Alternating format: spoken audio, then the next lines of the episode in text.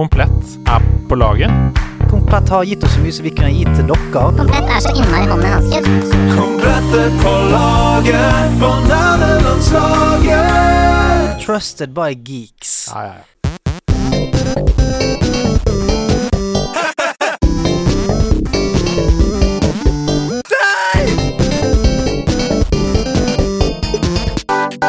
Nerdelandslaget. Den er god! Den er grei. Hallo, kjære nederlandslag. Kjøttet går. Godt å se dere. Jeg ser jo dere egentlig ikke, men jeg føler at jeg ser dere. I dag så er det en litt merkelig eh, episode, vil jeg si. For vi er um, in between studios right now. Så nå sitter vi nede i min snart ferdige gamingbule. Det er fint her, men vi pakket opp utstyret for fem og et halvt minutt siden. Så det kan være at lyden er litt sånn rufsete her og der. Eh, den eneste spalten vi ikke får gjort i og med at vi glemte å bestille headset, det er Gomba eller Gondo. Resten går som vanlig. Så eh, vi, eh, vi ser på ingenting som et hinder, kun en utfordring. Og vi liker utfordring. Denne achievementen her er vi keen på å ha. Eh, så med det så sier jeg velkommen til en litt annerledes episode. Og foran meg så sitter en ganske annerledes fyr, men han er nydelig. Andreas Edemann! Dungeons! Dø- ba- bare, bare Dungeons. Når jeg og en kompis eh, speedlevela i WoW og bare kjørte dungeons og satt og venta på at det ble klart å aksepte, så ropte vi Dungeons! Sier da Som å på en måte for, for å mane fram dungeon-kuen. Jeg tror kanskje man har drukket litt for mye av det som jeg sitter med i hånda her. F.eks. en Power King energidrikk. Ja, for det, hva, er, hva er det for et valg av energidrikk? Altså, Du har hatt Monster, du har hatt uh, Battery til og med inne. Nå er det Power King. Hvis du lurer på om det er et, eh, en fellesnevner for alle mine energidrikker, det er det det er tilbud på på bunnpris. ok, det er det. Ok, Så det er det det er Du kan kjøpe i bulk. Ja, det er akkurat det. Så det blir ti av gangen, da, som jeg putter da i mitt lille colakjøleskap eh, Mm. hjemme. Men ja, det var Kristoffer som sendte inn det, og jeg syns det passa bra å si Dungeons! Ja, det passer veldig bra, for vi skal, kan like godt bare ta inn vår, La oss bare eh, gjøre det. vår gjest i dag. Eh, han har nok sikkert skreket Dungeons eh, mange ganger, for han er en Dungeon Master i uh, podkasten Eventyrtimen. Så han er, han er deep in the DND. D in the DND. Yes. Uh, Magnus Tune, velkommen! Tusen hjertelig takk. Ho! Du, dette, dette er, uh, føles ganske stort ut for meg, for dette er min dungeon. Ja. Og det å ha en dungeon master Yes. i min dungeon, det, det hadde ikke trodd jeg skulle oppleve det. Så nå er dette mitt, Ja, ja, akkurat for eh, neste, de neste en og en halv time så er dette faktisk ditt. Ja, det var det jeg tenkte på. Føler du deg pressa ut? Føler du deg, eh, er det konkurranse? Ja, men jeg, jeg, jeg ser jo med Altså, jeg ser jo uh, veldig opp til uh, alle som kan kalle seg master. eh, Uh! Og spesielt en dungeon master. Jeg har tatt en master på Blindern i Dungeons. eh, fem år. dungeon bachelor. Den har jeg ikke hørt. DB? Det er 40 DB uh, på spikeren. Men du, helt rått å ha deg på besøk. Det er utrolig kult å være her. For de som ikke er eh, kjent med eventyrteamet og sånt, Ja. kan du fortelle kjapt hva det er for noe? Uh, kjapt så er det en såkalt det er en Dungeons and Dragons radioprogram og podkast som Mhm. vi har vært så heldige å få gjøre på Radio Nova, uh, Oslo Studentradio. Hvor jeg og tre andre venner rett og slett spiller Dungeons and Dragons på norsk. Mhm. um, for alle lytteres underholdning. Ja, og, og da er dere fire til sammen. Jeg holder Ja. fire til et, uh, til et Dungeons and Dragons-game. Så det som er gøy, er at sånn, et Dungeons and Dragons game du kan være to, oh, ja. eller du kan være 20. Sant? Det kommer helt an på hvilket nivå du vil spille på. Det fins masse eventyr som er designet bare én og én. Så man kan spille med på en måte én venn. Dere to kunne spilt sammen.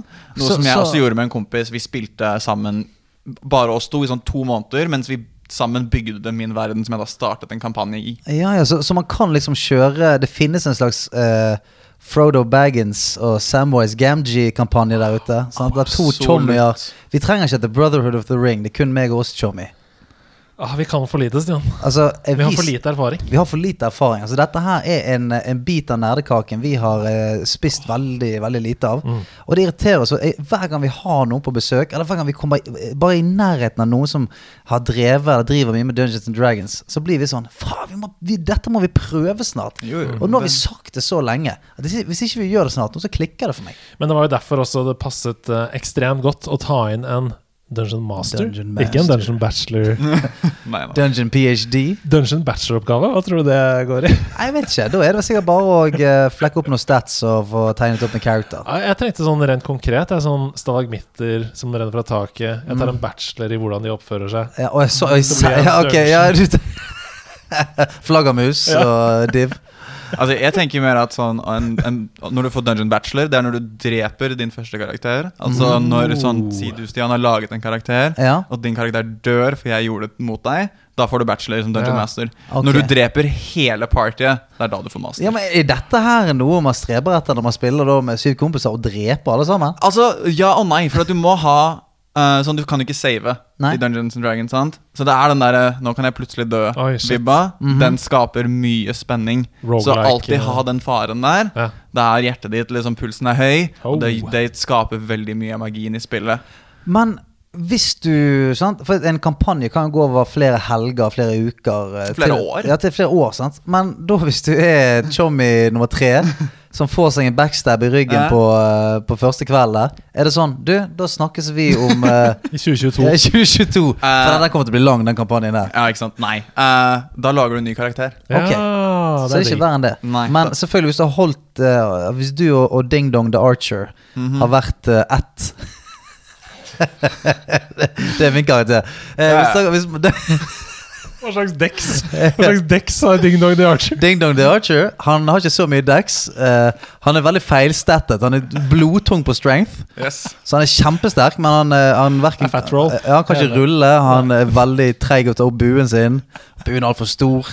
Lagd i for tungt treverk. Det er veldig Men uh, Ok, Til alle som har skrudd av nå. Uh, dette er stats i rollespill. Uh, Nei, men sant, så Hvis du blir glad i, i Ja. karakteren din, og den blir drept, så er det selvfølgelig kjempekjipt. For da må du liksom finne på en ny en. sånn. Ja, men jeg vil ikke lage en ny en. Det er veldig trist, og det er noe jeg har opplevd selv. At sånn, Du liksom lager en karakter, du skaper det, du er emosjonelt investert, du har hatt den i to år, Ja. og så plutselig så pff, null HP, og ingen har noe magi til å gjenopplive deg. Så gjerne gråter man litt, og så har man en gravøl, og så kommer man seg over det. Men det er, det er ordentlig trist, altså, for du føler at en del av deg som du har jobba med og sånn kultivert og, og lenge på en måte er borte. Ja, nesten blitt Ja, det er blitt en del av deg Ja. på et tidspunkt. Men ikke sant, det er jo da du Men sånn, de huskes for alltid. Sant? Så da kanskje i spillet så blir det satt opp en statue av de.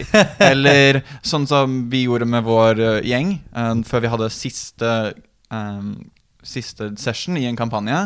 Så ga vi Dungeon Masteren vår og da oss andre et bilde av alle karakterene som hadde vært med i kampanjen. Så vi ansatte en artist som malte de for oss. Det er helt rått. Og tok det liksom, rendra det over digitalt, og så har jeg har det innramma på kjøleskapet. Og da så jeg da, For han er jo Han har lagd alt sammen, ikke sant? Ja, ja. Dungeon Master, han grein. Ja, ja, han det? Han begynte å grine. Å, og vi alle sammen ble veldig emosjonelle. Og der ser du de er døde, og der sitter han og ser utover, og der sitter han og jobber sånn. Så lever man litt gjennom det, og så Du hører jo hva vi går glipp av. Ja, Ja. du hører det. Altså, jeg, men Vi har jo veldig lyst til å komme liksom til bunns i uh, hvem du er som spiller. Ja, ja. Eh, men først, for det sitter helt, Nå har vi preget mye om Dungeons and Ja. Dragons, og det sitter sikkert mange som klør seg litt i hodet. De har hørt Mhm. om Dungeons and Dragons. Så uh, hvis du kan veldig, veldig raskt, på to minutter, okay. ta en rundown på hvordan spiller man Dungeons and Dragons.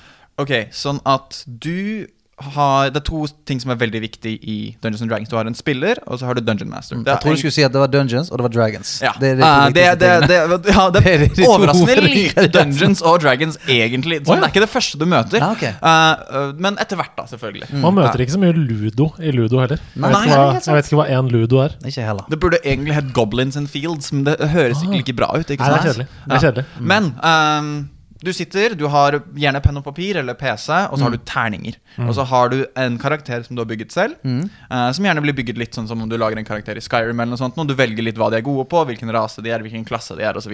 Ja. Uh, og da har du små modifiers til hvor på en måte, hvis du er sterkere, så har du kanskje en pluss fem i styrke, men du har minus to i athletics. Ja, sånn at Du kan ikke bare gå helt bananas og si sånn du, Hei, jeg har han fyren her, han har pluss 1000 i alt. Nei. Det går ikke an. Fordi du, sånn, Hvis du ruller kjempebra terning på starten, så har du masse i alt, men du kan ikke ha 1000. Du har caps. Ok. Men går det an Altså, Finnes fins det et tak på antall raser, for eksempel, og antall classes? Det er ni raser.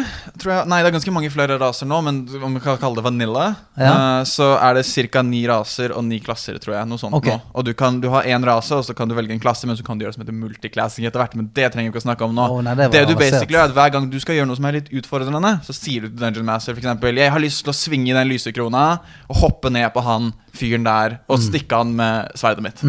Og så sier da Dungeon Master Da må du rulle en athletics check. Så må du rulle terning, Ja. og så må du legge til da athleticsen din. Hvis den kanskje er minus én, får du fire. Ja, du setter deg fast i lysekrona, beinet sitter fast, og du henger opp ned. Alle ser deg, og nå skyter de deg med pil og bue. Sånn? Ja, sånn at hver gang noe litt utfordrende skjer, så må du rulle terning. Men og det er da- sånn vi havner i disse ja, um, konsekvensene. Ja, for, men da er det Dungeon Masteren som bestemmer at ok, for å klare å svinge over det, så må du ha syv. Ja. Da må du rulle syv eller høyere. Mm. Det, det der er helt rått, altså. Men hvordan klarer en dungeonmester å holde kontroll på det? Det er vel, altså Først og fremst så har du masse masse litteratur som kan vise deg sånn, hva er vanskelig, hva er ikke vanskelig. Ja. Og så Ja. må du tenke litt se- Og så er det litt sånn det improvisasjonsaspektet av det. Ja, ja, ja. Jeg liker å kalle det et improvisert radioteater når du hører på det. Altså Du har en rolle, men du har ikke et manus. Men alle improviserer. Ja og du kan gjøre dette, du kan gjøre dette. Og så er det opp til Dungeon Master. Sånn, han kan bare når som helst. vet du Dette er så dritvanskelig. Du må ha en natural 20. Du må rulle 20 på terningen Oh, for å klare det. Ja. Så kanskje noen gjør det, og så oh shit, og så blir alle helt i ekstase. Ja, ja, det er kjempegøy, for det er sånn Ok, jeg har, eh, jeg har en rusten kniv i lommen, det er 20 Mhm. orker foran meg. Jeg tar den opp og lemper rundt i en ark, så tar alle orkene. Så da, da kan du si sånn ah, Lykke til. Det blir Ja. Jeg føler at dette er, er jeg helt på viddene nå, eller er dette på en måte opprinnelsen til uttrykket RNG? Random Number Generator. Du er, du er veldig inne på det. Altså sånn Opprinnelsen av RNG er jeg litt usikker på, men dette, det er veldig mye RNG i Dungeons and Dragons, Ja. men som da er modifisert av karakteren din sine egenskaper. Mm. Og på en måte hvor kreativ du er. Så Hvis jeg som Dungeon Master syns at du Stian, er veldig kreativ med noe, så gjør jeg noe litt lettere. For det er litt kulere hvis du får det til. Ja, ja, Men hvis du er bare sånn ah, 'Nei, jeg går og slår den', ah, ok, det er vanskelig. Ja. Men hvis du beskriver veldig kult at du liksom Jeg skal powerslide mellom beina hans og stikke den i bakhuet med en rusten kniv, ah, ok, det er litt lettere. For det Men er det, kult. men det er veldig ansvar som Dungeon Master. Ja, da, fordi jeg, jeg ser for meg at sånne spillere som Stian, som eh, elsker f.eks. Pummel Party og sånn, kan, kan bli pissed Ja, jeg kan bli pissed. i, et, i en Dungeons Dragons game hvis han, hvis han tenker, føler at han blir behandla urettferdig av deg, da, som DM. Har det skjedd, liksom? At folk har gått ut i raseri og Å, absolutt. Jeg hadde en kompis som sendte meg en lang, litt sint melding etter en session. For han syntes ikke at det var han, han var veldig glad i karakteren han spilte, men så ble han satt i en situasjon hvor han syntes det var veldig vanskelig. Ja. Og da forsvinner spillefølelsen hans. Ikke? Sånn at Det er en ting som Dungeon Master sånn, du er, Det er litt sånn mini game design, for du skal balansere ting. Men så er det også viktig at du sitter rundt et bord med vennene dine og skal ha det gøy. For det er sånn, alle er på lag. Det er ikke sånn at vi skal, jeg skal prøve å slå deg. Det er sånn du og liksom gjeng, gjengen din skaper et univers sammen og forteller en historie. Og så er det min jobb å liksom drive den historien videre. Det er ikke min jobb å gjøre livet ditt til et helvete. Noen ganger så er det dritgøy Ja, ja, ja. for alle sider. Men det er også noen ganger så er det veldig gøy å bare alle er på lag, og man får den uh, liksom resolven. Sånn, alle sammen hadde en idé av åssen Game of Thrones skulle gå. Mm. Det er veldig kult om jeg som Dungeon Master faktisk gir deg den, Ja, sant. istedenfor å sånn Nei, nei, nei, nå skal vi være dust, og Ja. Sam skal overleve, liksom. Ja.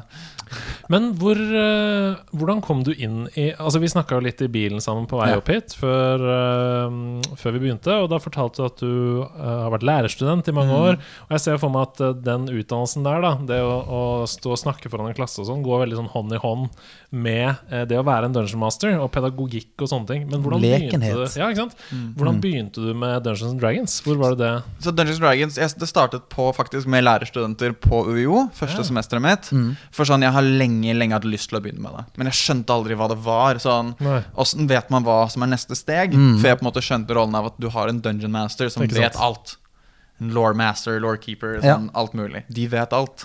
Så lager du en karakter, og så har du dette systemet, og så på en måte begynner du Så det begynte bare med at vi var noen folk som hadde lyst til å prøve det, for det virka kult.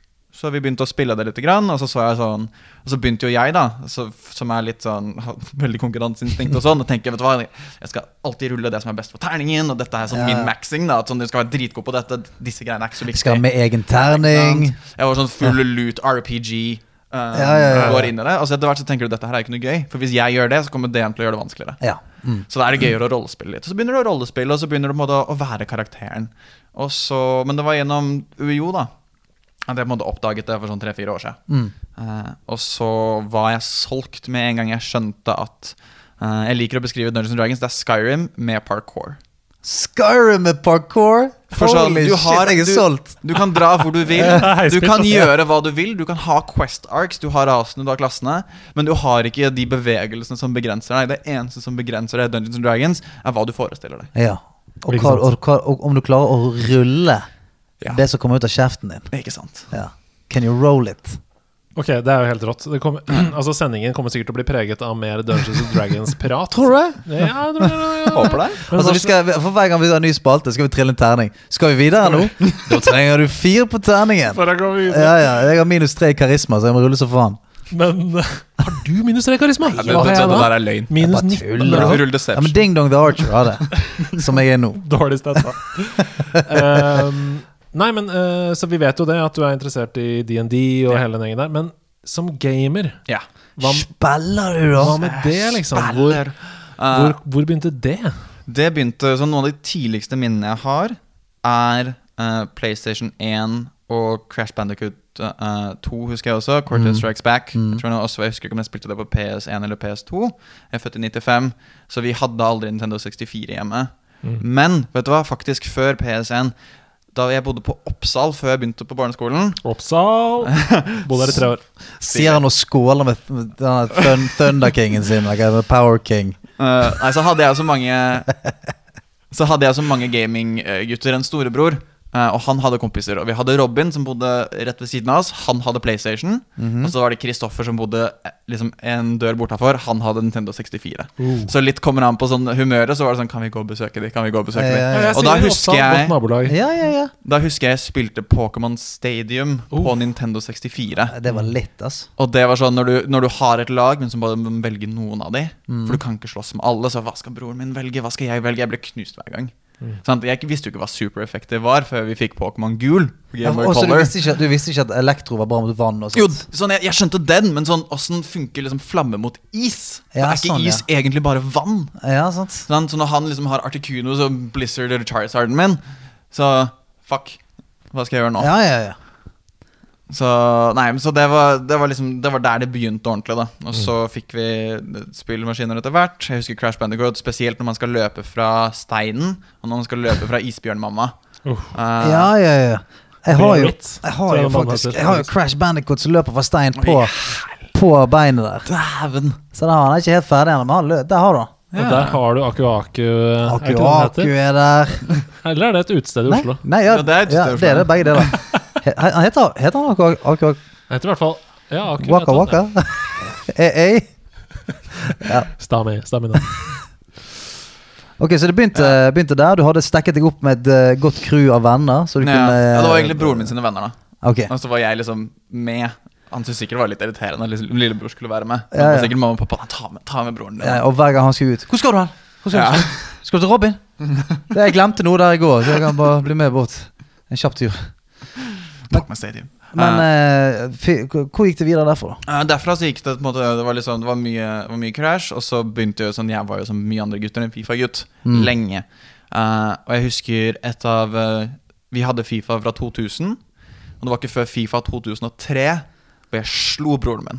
Ja. Eh, og det var Tre hele spill før du tre hele år ja. før jeg slo broren min i Fifa. Og da slo jeg en med Liverpool. Ja. Eh, og det var, sånn, det var sånn jeg ble Liverpool-fan. Ah, okay, det er ikke så rart. Er. Eh, ja. Er du, er du Liverpool-fan? Aldri vært. Ja, du er United, selvfølgelig. Ja, det er bra. Det er godt. Sitter jeg i feil eh, Ja, nå sitter du dessverre i eh, Nå er du fanget. Nå er jeg fanga. Men han er Dungeon Master. Han er Dungeon Master, faktisk. Han er kontroll. Ja, Hvor mye må jeg rulle for å fange deg her? Jeg kan smette. Nei, så, så derfra Og så var det Det gikk veldig mye i Fifa derfra. Mm. på en måte Gjennom hele PlayStation 2.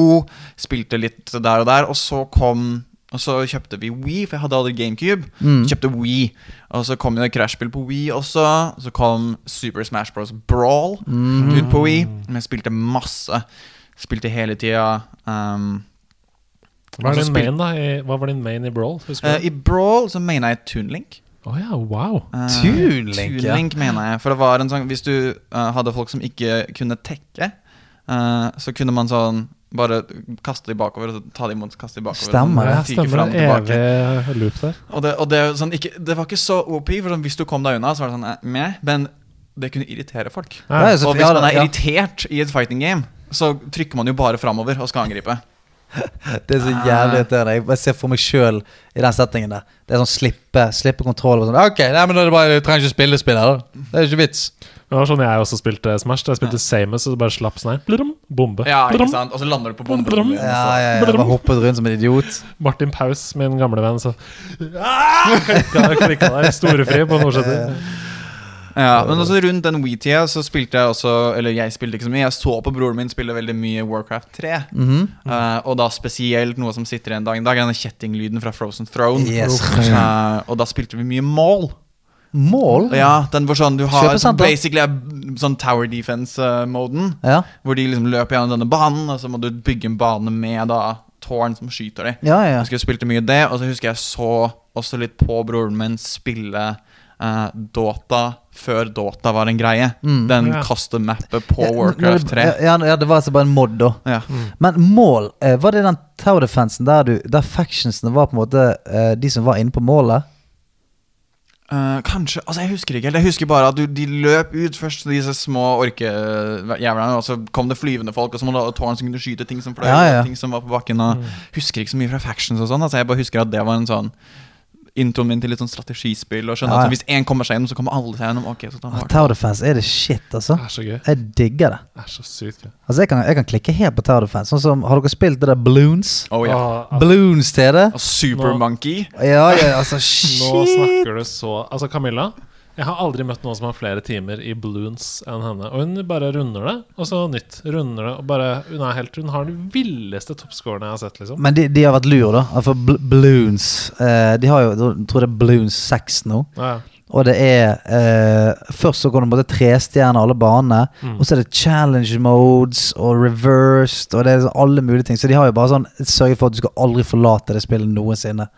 Har dere testa Kingdom Rush? Ja! Det er det beste Kingdom Rush Defense-spillet. Kingdom Rush og Kingdom Rush 2. Det er de beste Tower Defense-spillene som fins. ja altså, det er. Det er- Du får det både på IOS og Android. Altså, og, og det som er så digg med det, er jo at de har ikke alle de mekanikkene du snakker om der, som er sånn eh, mikrotransaksjon og hooking og sånn. Det er bare et beint fram, dritbra gjennomført Tower Defense-konsept. Ja, ja.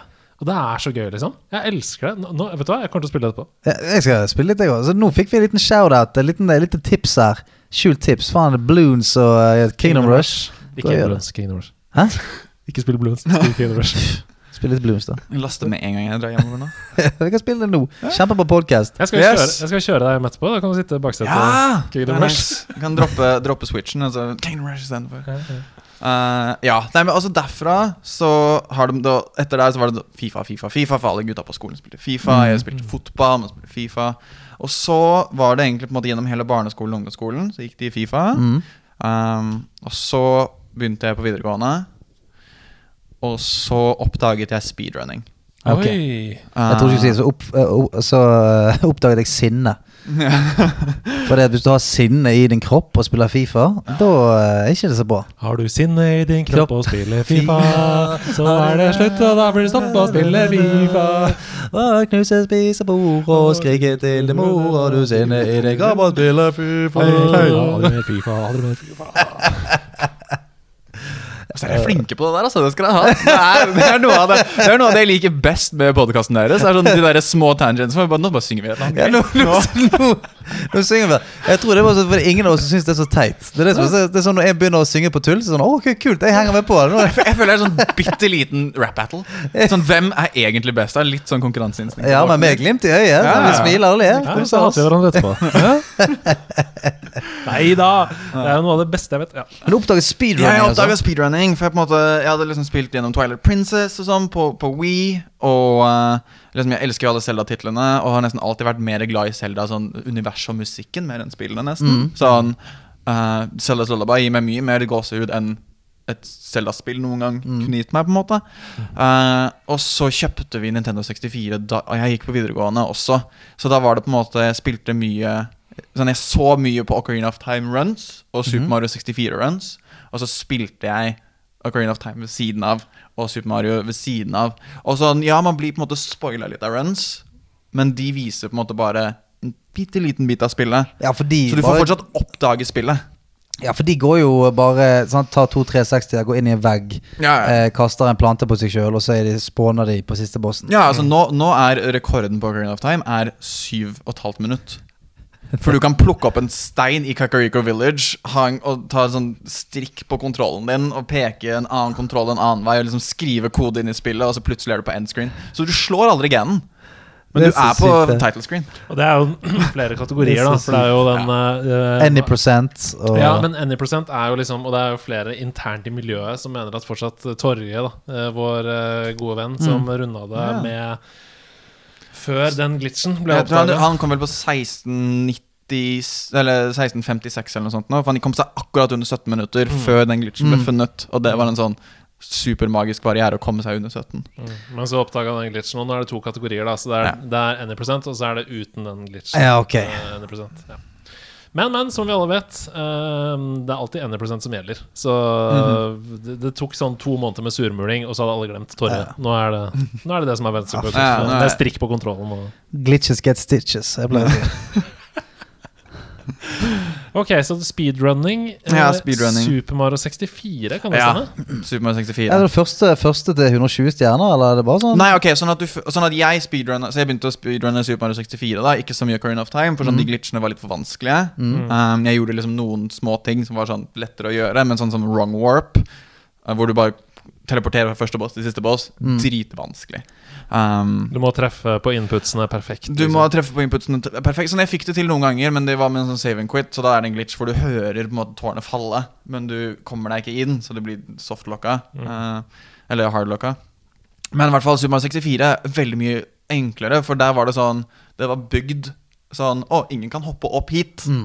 Men så er det sånn, jo, men hvis du wallkicker riktig, så kommer du deg opp dit. Eh, og da begynte jeg på den kategorien som jeg tror alle begynner på, som er 16 stjerner.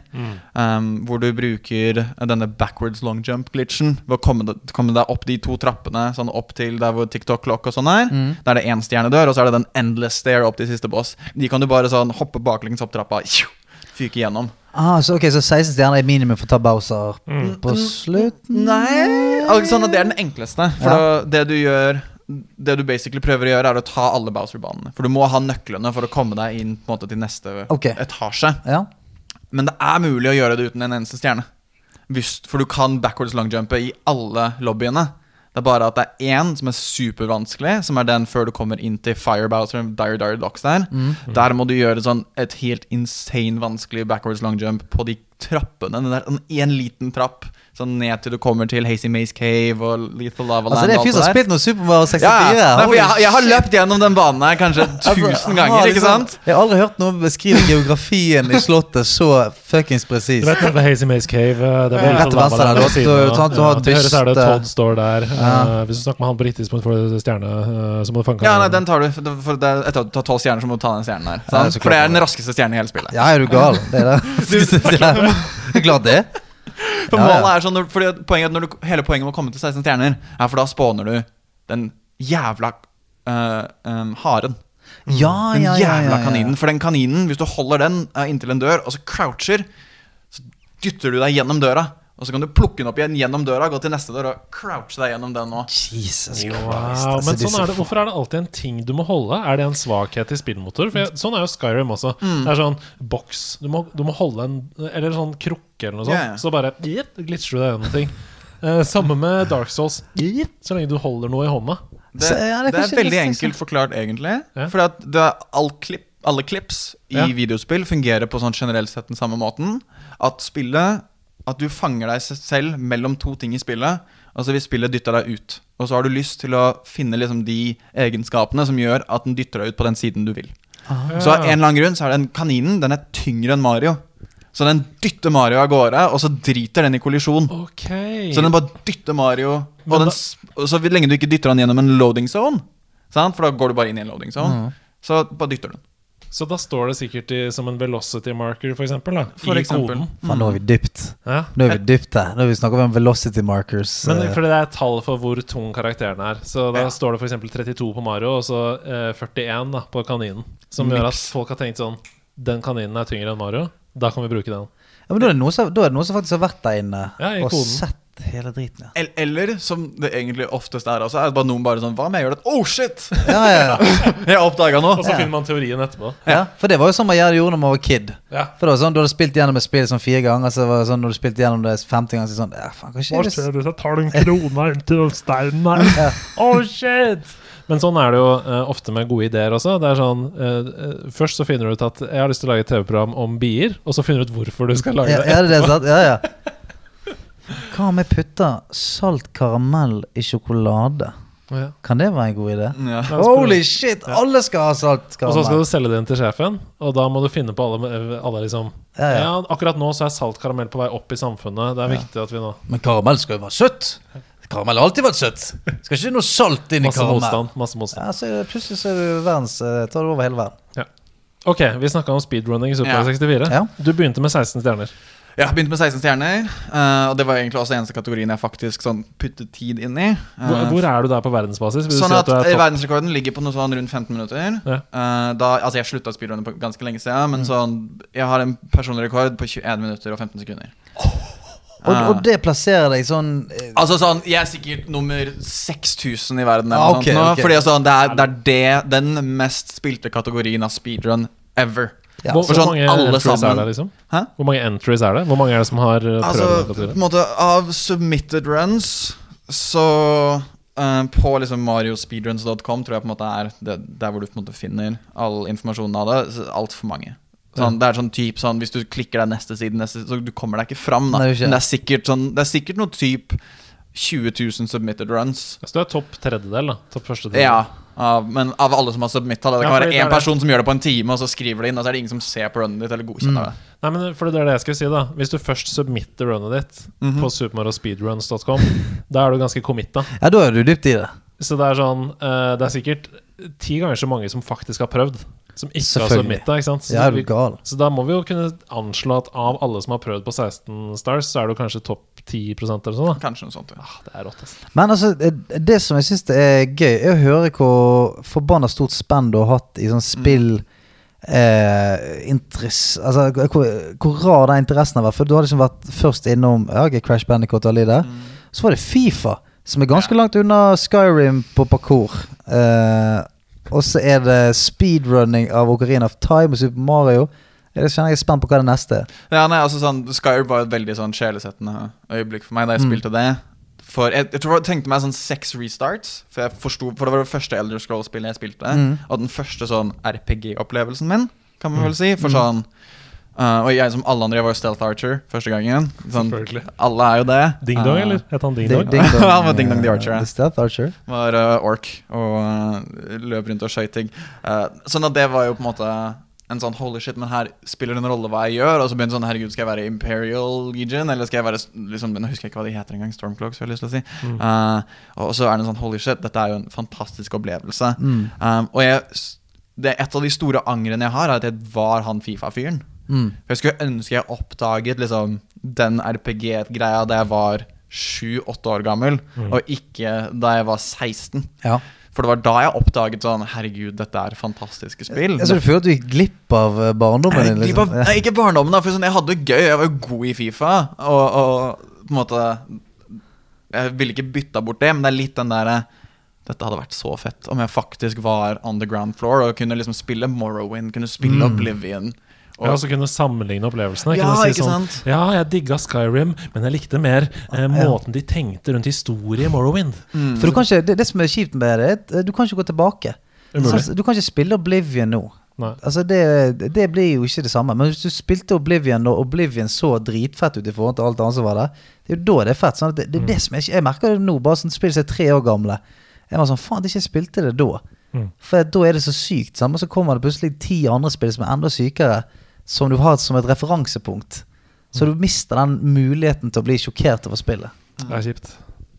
Ja, det er kjipt. Men moderne spillopplevelser, da? Kan du trekke fram et par-tre, liksom? Som du uh, altså sånn moderne spillopplevelser Sånn er Skyrim sikkert- er jo moderne, da. Skyrim, Ja, Skyrim er, altså sånn Alle som har vært på den podkasten, har sikkert sagt Witcher 3.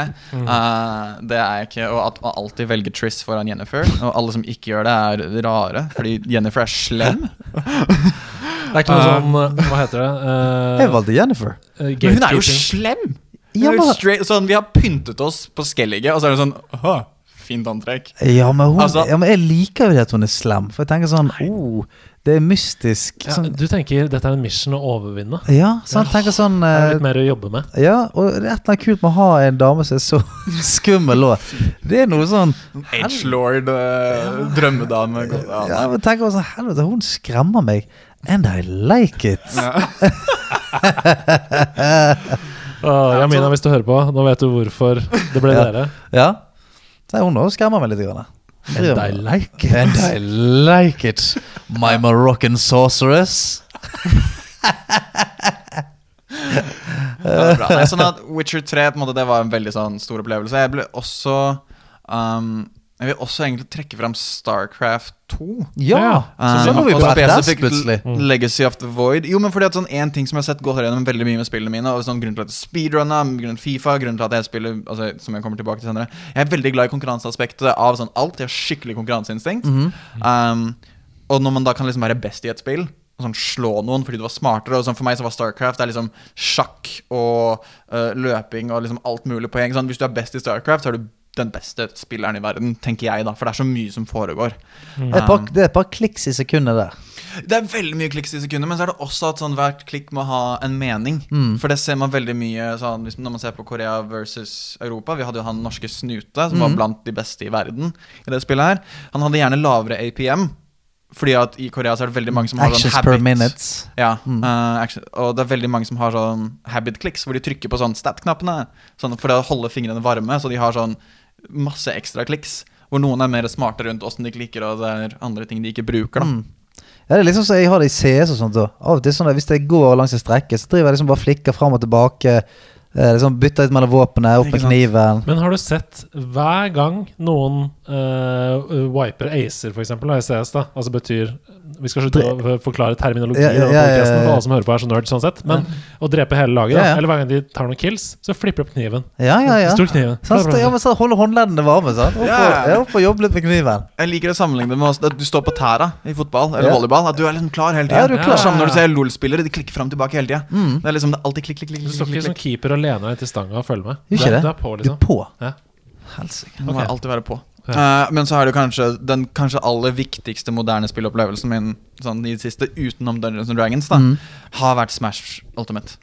Ja, ja, for der kommer konkurranseinstinktet. Der kom konkurranseinstinktet inn. Men også var det det med at sånn, jeg har fulgt med på Melee en stund som liksom seer. um, som var GameCube-varianten, som på en måte blir tatt til nye høyder hvert eneste år. Og folk finner fortsatt ting i spillet, og det er spilt på et så høyt nivå. Sånn Folk må reagere til én frame inputs. Um, eller man kan jo ikke reagere, men det er sånn, man, man prøver å komme dit. Mm. Og det er helt fantastisk å se på. Så kom Ultimate, og det var så mye smoothere enn Smash 4 det er til Wii U. Mm. Det så mye bedre ut, og alle karakterene er med. Sant? Ja, det er et sinnssykt roster. Det er alle, med alle som har vært med i et Smash-spill, og nå masse mer. Jeg hørte dere dissa Minecraft Steve her om dagen. Men- Ja, men, jeg kan, men jeg kan være med og disse Minecraft Steve. Men eh, hvis det trengs noe flere på det laget der. For Eh, hvorfor hvorfor skal er Minecraft Steve Han inn der? er så broken. Han. Hvert fall så, han har så mye komboer Altså- som er så fete. Holy Du- shit. Og, og tenk litt over dette. Vi skal ikke snakke lenge om dette. Men Mm. eh, Fortnite, da det kom, var et skytespill. Nå er det et byggespill. Ja. Eh, Steve er introdusert til Smash med en helt egen mekanikk. Mm. Å bygge ting. Ok, It's broken. it's, it's broken. Nei, okay, it's Ok, så, så han kan liksom lage blir her, Bygget det.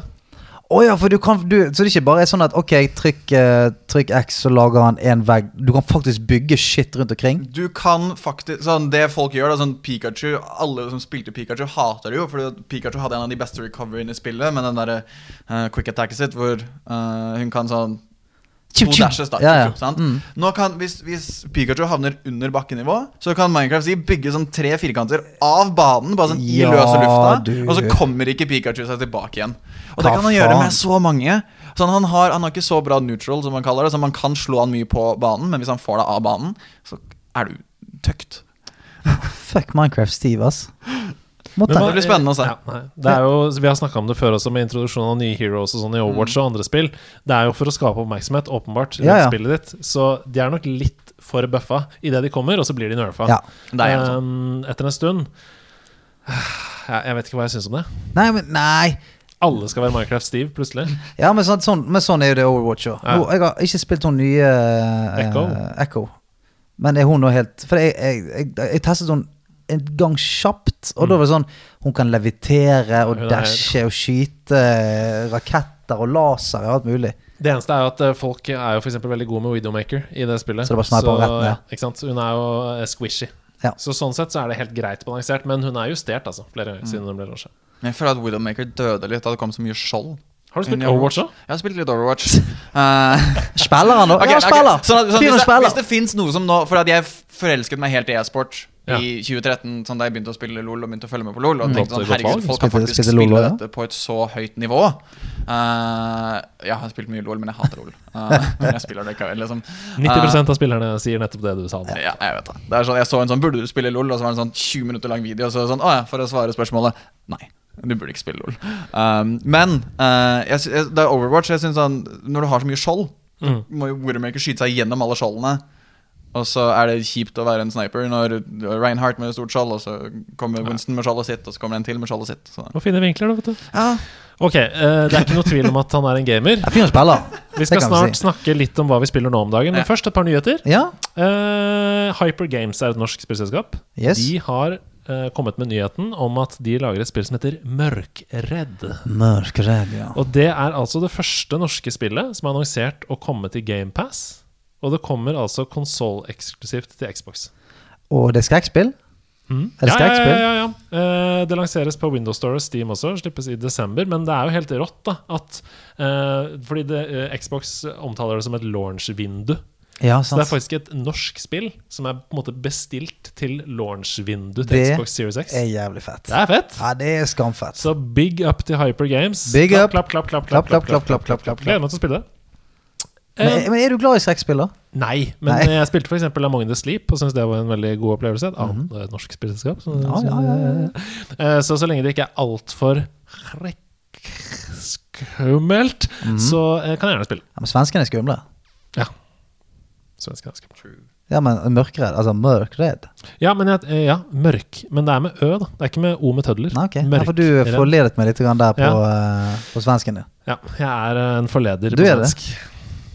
Nederlandslag Community de samla inn 10 700 kroner på egen hånd På, eh, til uh, til P3-aksjonen Nei! under TV-aksjonen. Det er sykt. Vi Det hadde ikke noe med det Ingenting. Ingenting. Det eneste var jeg var med å donere litt, men eh, ellers så var det helt initiativ fra dere, og vi ble vel nummer ni eller ti på topplista Det P3-aksjonen. er så sykt. Helt konge.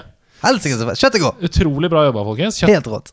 Og det var bare da i løpet av et vindu på 24 timer og sånt, så det var veldig bra.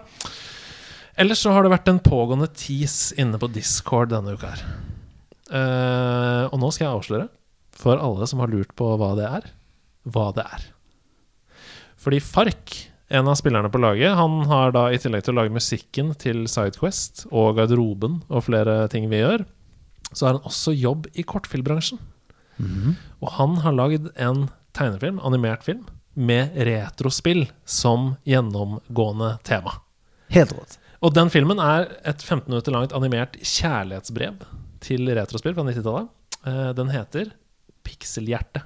Åh, det er fint, ass. Ja. Strålende. Og den filmen har vunnet flere priser allerede, uten Oi. å ha blitt vist noe sted ennå. Fordi man sender den inn til festivaler, Ja, og sånn, ja, ja. men så har det vært korona og covid, og du vet, så det har ikke blitt vist noe sted.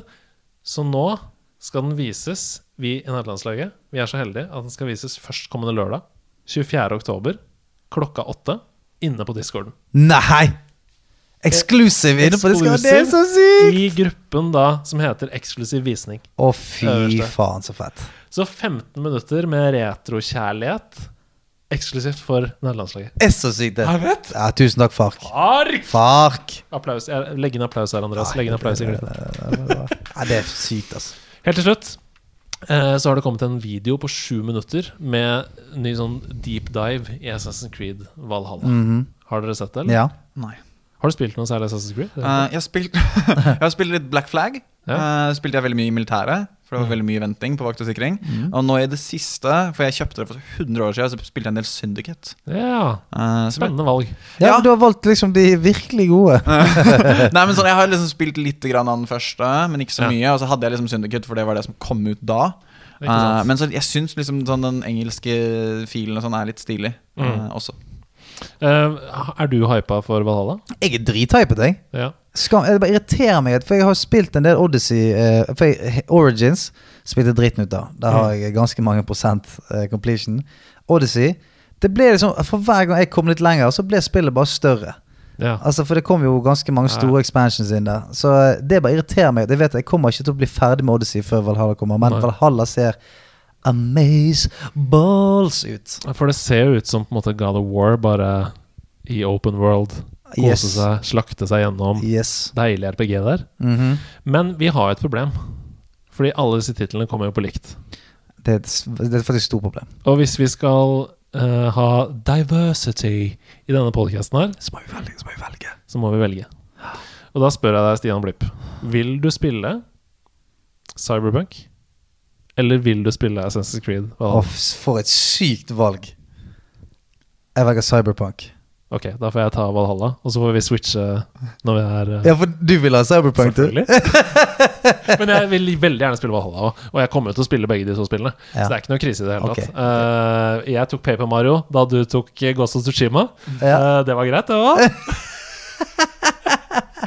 Du sa jo du elsket Paper Jeg Mario! Paper Mario, men jeg har fortsatt ikke spilt uh, Tsushima. Da, så Nei. vi får se når jeg Nei, det, det var, det, altså, du, hvorfor sa ikke du det før du ba meg velge noe? Si Sånn, husk på, jeg tok drittspillet når du fikk ta Nei, det var ikke drittspill! Nei, jeg sa akkurat. Du fikk et ganske bra spill. Ja, Det passet personligheten min å ta Paper Mario. Mens du tok Nei, men så Neste gang så må du være litt mer hardere i ja, kravene. Nei, men eh, det er helt fint. Altså. Cyberpunk det er forhåndsbestilt, det. Så det blir spilt på, på en eller annen gang, det òg. Men Ja. eh, da begynner jeg med Valhalla. Jeg gjør det. Ok, hva spiller du nå om dagen? Magnus Tune, Dungeon Master i Eventyrtimen, Norges største Dungeons Dragons-pod og spillemann. Uh, jeg spiller nå Baldur's Gate. Oh, du har Oh. begynt på betaen! Ja, jeg har begynt på betaen. Wow. Det er fordi det er første gang jeg spilte Baldur's Gate-spill. Og det Ja. er jo faktisk et spill basert på Dungeons and Dragons Ja, 5. for, edition. ja, for der ruller du. Ja, altså der de ruller Altså de har sånn prosentsjanse for å treffe noen når du Mm. skyter, så den på en måte ruller automatisk. Men så er det ofte sånn når du kommer inn i de veivalgene, Mm. så er det sånn En eller annen fyr sånn Om du ikke kommer deg ut herfra Eller sånn Kom deg ut herfra nå med en gang, vi kan ikke ha flere inn i landsbyen. Så kan du ha sånn um, Slipp meg inn hvis du vet hva som er best for deg. Intimidation. Ja, uh, Eh, Vær så snill, la oss komme inn, vi har ikke noen andre steder å gå. Persuasion. Eller bare sånn Hit him in the face. Sant? Så du har disse valgene her, da, og så uh, ut ifra hva du trykker på, hvor god uh, karakteren din er på ting, så er det vanskelighetsgrad da, på Mm. det. Uh, så da ruller den jo. Og så viser den sånn target 7, og så ruller du 6. Ja, så blir du kastet på hoverreven ut i innsjøen. Ikke sant. Men det er, det, er, det, er skikkelig, det er et ordentlig kult spill. Det er første gang jeg har opplevd et sånn type RPG. Og da plutselig så har du jo uh, tre party members som følger etter deg, og så kan du styre fire spillere. ikke sant? Ja. Ja, det er som Divinity. Yes. Så du kan sånn velge sånn hvem skal ta Liksom hvem skal prate med folk. Så tar du noen andre. Hvem Ja. skal gå først inn i byen? Kanskje de kan ta mer skade. ja, ja. Hvem skal snike seg rundt for å ta bla, bla, bla. Ja, for da har du selvfølgelig statta da, til at én mm. er Mr. Sneak, én er Mr. Speak. Oi, oi, og Mr. Sleek. Og sist, men ikke minst Mr. Kick. Kick. Kick! I kick you in face! Yeah. Oh, ja, ja, Mr. Kick, ja. Mr. Kick, ja, ja. Mr. Kicker. Som en fighter. Da. Ja, ja, Oh, Mr. Kick. Ok, greit. Den er fin, da. Jeg gir han jeg gir Jeg full pott. Jeg, jeg. jeg, gir- jeg gir han full pott, den. jeg. Ja. Uh, nei, så jeg spiller det jeg har begynt på Ballers Gate, betaen der, og så spiller jeg jo selvfølgelig Smash Bros Ultimate hele tida. Ja. Uh, Det, det er baseline-spillet, liksom. Ja, nei, for jeg kommenterer jo uh, turneringer, Mhm. og, Ja. um, og er med i noen turneringer uh, når jeg på en måte har tid til det. Det har vært vanskelig nå med covid, og nettkoden til Smash Ultimate er jo elendig. Så å spille online så har du masse input lag. Okay. Uh, og hvis du da Som ikke har en god. Ikke sant. Og hvis du, da, hvis du da spiller på TV-en din, så får du monster input lag og taper alt mulig. Men offline når du er for på House of Nerds eller noe sånt og spiller med folka, og du ser liksom Der sitter Norges beste ved siden av meg, jeg skal spille mot han nå, for jeg er den dårligste, og vi er sida på en måte Ja, ja. motsatt side. Og han vet ikke at Minecraft Steve har kommet ut. Ja. He's in for a treat. Han går random og sparker dritten ut av meg. Ikke sant? Det er en helt egen opplevelse. Men det, så det er sånn alltid sånn på bussen, på vei til jobb, på Mhm. vei uh, hit eller på vei dit, så gjerne så spiller jeg Smash på Holde, finger, holde fingrene varme. Veldig viktig. Holde Ja. combo, combo gamet gående. Hvem er det du mener da? Falco. Oh, Falcon Punch! Jeg, nei, ikke, Fal ikke Captain Falcon. Falco. Lombardi. Denne blå fuglen. Kompisen til Fox. Falco Fox. Lombardi. oh, wow. uh, så det var, det var Jigglypuff, jeg skjønte at Jigglypuff er litt for dårlig. Ja. Uh, for jeg var med i en turnering. Sånn, Nå har jeg spilt så mye Jigglypuff, jeg er så klar. Og så gikk jeg 0-5. Jeg tapte alle kampene mine. Så Jigglypuff er ute av metaen, altså. Eh, Jigglypuff er på en måte ute av metaen for Ultimate. Mm. Veldig, veldig eh, med i Melee. Du, hva har du spilt da, Hedo Du, Meister? jeg har eh, Camilla har begynt å streame litt på nederlandslaget-streamen. Er så fett, det. Så hun, hun bygger nå nederlandslaget headquarters i Sims 4. Gjør det? Ja, ja, Med innspill fra, fra chatten og alt sånt. så rått. Hun har fått sin egen TV. Jeg har fått en sånn pingvin-TV. Det er alt jeg får. Mm -hmm. uh, og så er det noen av seerne har begynt å lage deig og sånn. Så ja. liksom Er de greie, eller? ja, ja, de er kjempegreie, så nå begynner det å bli et sånt community der. Da. Det blir spennende. Så jeg har spilt litt Sims 4 med henne. Sitter og sett på Hun er jo helt rå på det. Laster ned custom content og bare Ja, her trenger vi nerdetapet. Og, ja, helt Faen, det er gøy at Sims 4 lever ennå. Ja, ja. Eh, og så var jeg på besøk hos Spelledåsene i helgen. Ja. Fordi jeg var på hytta eh, sammen med Camilla. Og så stakk vi ned til Fredrikstad, for de hadde Super Mario Galaxy Stream. vet du Så hyggelig. Dere er jo blitt sånn streaming-couple. For han turnerer Stream-Norge og eh, Så da kom vi innom eh, streamen deres og var der Vi skulle bare være der litt, grann, var der seks timer eller noe sånt. eh, og spiste pizza og var med på challenges. Ai, og ai, tok ai. noen stjerner der, vet du. Noen Lumas, noen Hungry Lumas. Hele packen. Eh, så det var jo dødsgøy. Eh, og så runda de det da til slutt, på to dager på stream. Ok, men, men de kjø- kjørte ikke jet, vel? Eh, Nei, de hadde noen sovepauser og sånn, Ja. men det var liksom Galaxy-helg. Ja. De streama mange, mange timer daglig. Og så har jeg blitt helt Jeg la vekk Battlegrounds for en periode. Nei, helt hekta. Helt hekta igjen. Hva syns vi om Elementals, egentlig? Det er jo altfor bra. Altså det, er- nå er Elementals på et sted som er sånn at late game er enten Murlocs med masse poison eller enormt svære Elementals. Ja, for det, det er, Jeg synes jeg blir forbanna. Jeg blir steik forbanna på det. For, det, at, eh, for du, det, er så, no, det er for mye randomness, syns jeg. For hvis det er Elemental i spill, så vet du at ok, okay det er Elemental i spill, ikke Murlocs. Da vet du på en måte at ok, jeg må gå Elementals her. Og så går fem andre Elementals. Mm. Så driver man og krangler om kortene. Da må du gå. Pirates eller et eller annet bare for å ha noe annet å gå på. Ja, Men ja. Problemet er at uh, det er to ting som er problem. Og det ene er uh, Ginny, som genererer nye elementals, Ja, ja, ja, ja. taunten, fordi den kan generere elementals som er høyere level. Så plutselig så får du masse seksstjerners elementals da rett i nebbet gratis. Og da er det sånn Altså, Et av mine elemental games så hadde den ene 512 HP. Ja, den, den tånten din, Ja, det er bare sånn Ja, Jeg tap, tapte for det, da, nesten, fordi det var en 1-1 poison. ja, ja, ja. Denne, denne sporen Nei, eh, det slutt. Men ja. Ja. Eh, så ja, jeg er helt hekta på Battlegrounds. Syns det er kjempegøy. Uh, nå er det jo sånn at ratingen resetter, så jeg begynte jo på null. Som ligger rundt 5000. Har ikke spilt det så mye, med andre ord, men det er på vei oppover. Ja, for, Men eh, 5000 er fremdeles 5000, eller? Altså, er det liksom Du, eh, jeg vet ikke, man begynner på null. Så Ja. det er sånn, har kommet meg opp til 5000. Det- Jeg føler at det var vanskeligere enn å komme opp fra 4500 til 5000, som jeg Ja, ok. gjorde sist. Men eh, jeg vet ikke. Hva med deg, da? Hva spiller du? Du, jeg har- Kjelleren vi sitter i nå. Eh, Du, her har jo jeg uh, uheldigvis ikke fått spilt så veldig mye. Men jeg har spilt eh, det jeg har spilt i det siste. Jeg har spilt eh, en god del Warzone. Oh. Eh, hadde en lang pause fra det. For vi var, altså, eh, den gjengen jeg pleier å spille med, har på en måte ikke vært så gira på det. Mm. Plutselig blitt veldig giret igjen. Og det er jo Vi har hatt noen skikkelig gøye games der inne. Altså. Eh, det er som hvis du har flytsonen der inne. eh, Så er jo gamesene ganske lange, og du føler at sånn når du eh, har kommet deg på en altså, Vi kommer på femteplass på det beste og sånt. Da er det sånn Holy shit, vi har vært gjennom en reise nå, liksom. For det, det, det, sånn game tar jo kanskje 35 minutter, da. Så det var skamfett. Og så er det selvfølgelig dritkjipt alle de gangene du lander, blir drept, går i gulagen, blir sparket i trynet, og så må du bare håpe at noen kjøper deg tilbake igjen. De gjør ikke det. Jeg bruker 15 minutter på det, ikke kjøper deg opp igjen, og så eh, Ja. eh, Så er den kvelden over. Og så har jeg spilt eh, litt med Disco Elysium, Ja. som er Har du spilt Disco Elysium? Aldri. Du kommer til å elske det. det. Du kommer til å elske det. Det er uh, samme som vi snakket om i sted. Det er jo uh, eh, Aha. Veldig sånn rulle-RPG. Old school RPG. Lese masse tekst. Lese veldig masse tekst. eh, og selvfølgelig løse alt på, på forskjellige måter. Jeg, altså, du kan eh, Du snakker på en måte med Altså Stemmene som kommer til deg av og til, er på en måte dine indre impulser. og sånt da. Alt fra eh, på en måte raseri til sånn, ja, dumskap. Altså eh, Tolv forskjellige på en måte, sånn indre impulser som kan på en måte, snakke til deg sånn 'Dette bør du gjøre', eller Ofte så har du eh, en, eh, en ting du skal gjøre som du får flere stemmer inn. En sier sånn 'Just kick his fucking head in'. Og så er det en annen som sier liksom eh, No, just, just leave him be. Og det er veldig gøy, også, for da føler du også at dette er ikke bare mitt valg. Det er stemmen i hodet mitt sitt valg òg. Og der er det sånn, jeg har bare gått for Jeg har stettet opp på alt sånn pain threshold. eh, og alt, alt som har med sånn knuse folk ned. så jeg er veldig, veldig underernært på sånn eh, empathy. eh, og egentlig sånn Jeg kan ikke snakke til noen. Jeg må bare bruke nevene. Som er veldig gøy, for jeg har stettet så høyt opp nå at du kommer til steder der du vet at her skal jeg ikke egentlig komme videre. For her står det en sånn tre meter høy Samoan man som dørvakt. Så for å slå han, så må du rulle ganske høyt, og så må du ha skyhøyt på sånn et eller annet eh, En eller annen sånn der eh, Gale-Mathias-stat. Så jeg, jeg koser meg så veldig med det spillet, for du spiller en slags politi, en sånn detektiv, da. Og det er jævlig gøy å bare være han fordrukne detektiven som løser alt med å bare mukke folk rett ned. Det Hvis det er noen psykologer som hører på nå, gjøre en personlighetsanalyse av Stian basert på statsene i Disco Elysium. Det høres jo ut som en litt ekstra aggressiv Harry Hole-spill. Ja, men det er det du gjør. Ja. Du føler deg virkelig som en sånn Ja, eh, en, en ødelagt sånn detective som I got nothing to lose. Ja, ja.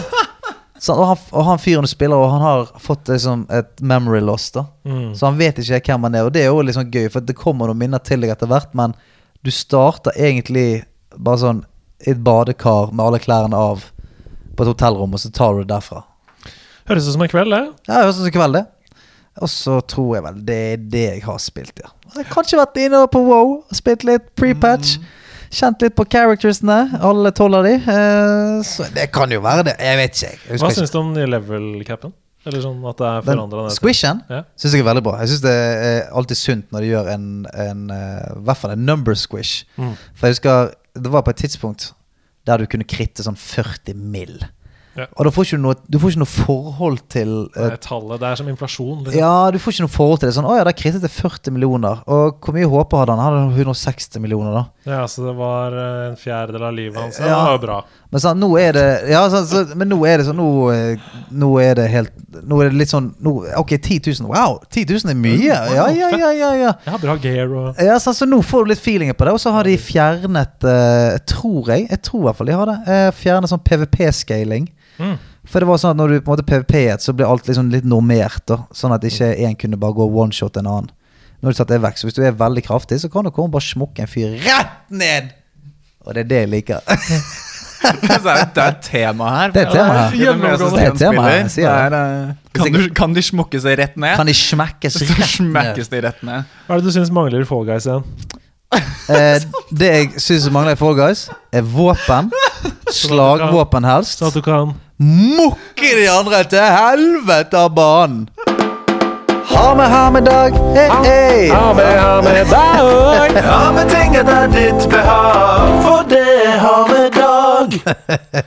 Hva har du kidnappet Rune? Er du sinnssyk? Bare for å bare for å sette litt kontekst til dette. Hvis det var sånn offbeat nå Vi hører tracket gjennom to høretelefoner Så vi- som ligger på et glassbord. Så der lente både meg og Andreas oss fram for å nærmest ligge hodet ned på pulten foran oss for å høre hva som ble sagt. Så vi, vi er spent på hvordan det ble. Ja, eh, ta det klippet nå, Andreas. Ta det klippet, du. Ja. Jeg må ha en sånn liten anekdote. Jeg tror liksom livet mitt er komplett nå.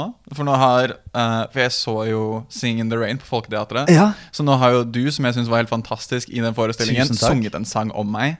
Takk for meg. Nå går jeg det, var, det, var, det var en sann Nå er jeg ferdig. Da føler vi vi har Eh. oppfylt drømmen til hverandre. Jeg får lov til å ha en dungeon master i min dungeon, som er min drøm. Ok, Jeg har litt eh, greier oppi, oppi tasken. Jeg har faktisk Jeg har juksa litt i dag. Ja. Eh, jeg har tatt med Å, mer enn eh, Jeg har tatt med Nå skal dere ikke se. Jeg har tatt med én ting som er mitt, og så har jeg tatt med noe som skal bli deres. Oi! Oi, oi, oi, oi. Uh, Og det, det som er mitt, så det har jeg tatt med tre av. Skal, skal vi se bort nå? Uh, nei oi. da, nå kan dere bare se. Oh, snap Rooney! Uh, oh, Super Mario 64, Nintendo 60. Okay. Eh, Og- oi, vent litt. Dette er jo Japan-versjon. Sånn at greia med Dette er kanskje noe ikke alle vet om speedrunning.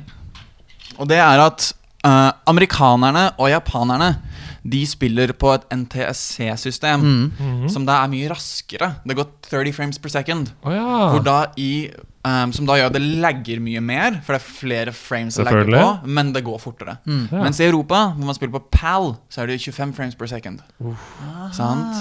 Sånn at du sparer sånn at All speedrunning det skjer på amerikanske varianter. Så til jul så kjøpte broren min disse spillene til meg. Dette er altså Zelda Ocarina of Time, japanske Super Mario og amerikanske Super Mario. eh, og en NTC N64. Okay. Uh, For det, det, det spillet her koster vel sånn 1200 spenn? det, det? det kan koste sinnssykt mye penger. Han traff en god pakkedeal på eBay. Nå har jeg ikke fått spilt den japanske ennå, fordi, og dette er litt gøy, måten de gjorde at spill ikke kunne spilles i andre land før. For nå har man sånn, sånn Man hadde på PlayStation 2 Så hadde man sånn disk-koder og sånn. Mm. Hvis dere ser på Nå har dere vært deres, da. Men hvis dere ser på en måte på undersida Ja, se noe tagg oh, ja, ja, de det- taggene De taggene er forskjellige i Japan. er faen forskjellig. Og i USA For USA så er de sånn på yttersida, og så i Japan er de litt inni. Så det går ikke an å fysisk putte den nedi. Oh, Wow, det er, Supersmatterud! det er rett og slett en fysisk på en En måte fys- sperre. Yes. Sånn at det folk fant ut ganske tidlig, da, at hvis du tar vekk den der støvfilteret, så kan du bare stikke den japanske Ja. rett ned i amerikanske. Men uh, det er stilig. Sånn at det Men i De har jeg brukt mye timer på, de spillene her. For dette er jo på en måte en sånn litt ironi, da. For i tillegg til å spille på den amerikanske, fordi det er 30 frames, så spiller man vel med japansk tekst. Ja, Stemmer. Fordi det er færre tekstbokser. Fordi det er jo bare billedlige språk. Fy flate. Um, og teksten går som regel også mye fortere. Ja. Sånn selv om, selv om på en måte sånn, selve tekstprogresjonen sånn, Det er færre tegn, og tegnene dukker opp raskere. Sånn at i et spill som Zelda Ocarina of Time, hvis du spiller typ, typ 100 da, Ja. så tjener du ti minutter på liksom japansk slash amerikansk versjon. Shit, ikke Ja. bare tekst, liksom? I bare tekst. Men da må man jo liksom lære seg helt Altså, man må lære seg spillet 100 Ja. uten å noen gang kunne skjønne noe av det som står noe sted. Ja, men hvor mye trenger du å skjønne? Du må bare vite hvor du skal, og så må du vite hva du skal gjøre der. Ja. Og så må du gjøre det så fort som mulig. Wow. Ja, dette var veldig fint. Så det er, eh, dette er min ha-med-dag, og det har jeg brukt mye time på. Veldig mye time med å Blåse blåse inn i cartridge for, å, for at det skal funke. Men- Selv om jeg hørte at det bare er tull. Ja, det men jeg tror ikke det er tull. Altså, uansett hvor mange, eh, så mange som kommer til å si det til meg, så kommer jeg ikke til å tro på det. For holy shit så mye jeg har blåst og det har funket etterpå. Ja, ja. Men du hadde med noe til Jeg har med, jeg har med noe til dere. Men, men før, du, før du tar den fram, Ja. så vil jeg bare si sånn Dette, Jeg har aldri sett dette her på dette nivået før. Altså Noen som tar med seg eh, to versjoner av samme spill, ett fra Japan, ett fra et annet sted, har en maskin fra et tredje sted, for da å kunne liksom maksimere tiden i spillet. Nei, det er nerdelandslaget på høyt Ja, det er ferdig snakket. Det er det. Det, det de smarte gjør, er at de bare fikser seg en gratis emulator. Eh, Ja.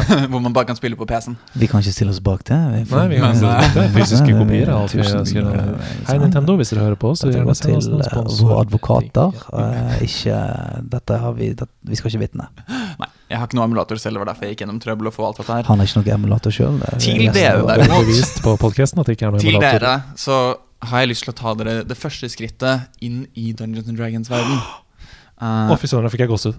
Så Jeg fikk gåsehud. Um, Jeg får, jeg får tårer i øynene. det er terninger. Nå kan vi begynne! Så dere kan velge om dere vil ha rødt eller gjennomsiktig.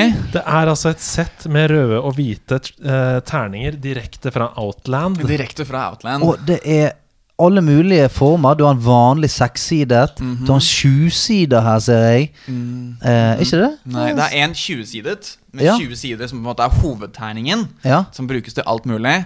Um, uh, prøv å rulle den, sånn Ja, hvor deilig det er. Bare Bare åpne opp og sette Der Der, rulla du alle på en gang. ja da, uh, da vant jeg, sånn. Og så har du da en D4 med fire sider, eller en T hvis vi skal ta det på norsk. En T6, som er den vanlige terningen. T8. Og der er det noe diamantaktig. Uh, du, har en, ja, du har en med åtte sider, du har en T10, ti sider, sider, og en T12, tolv sider. Men så har du også det man kaller en prosentterning.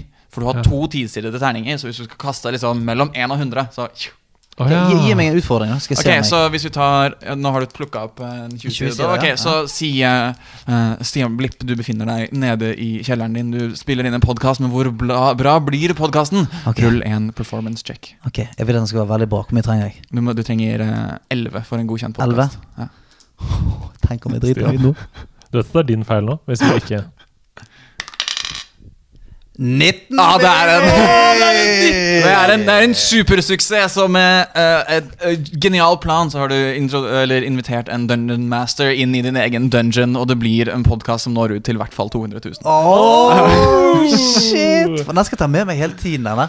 Jeg skal Ja. ta med meg den sånn eh, Ok, bør jeg ta dette tilbudet?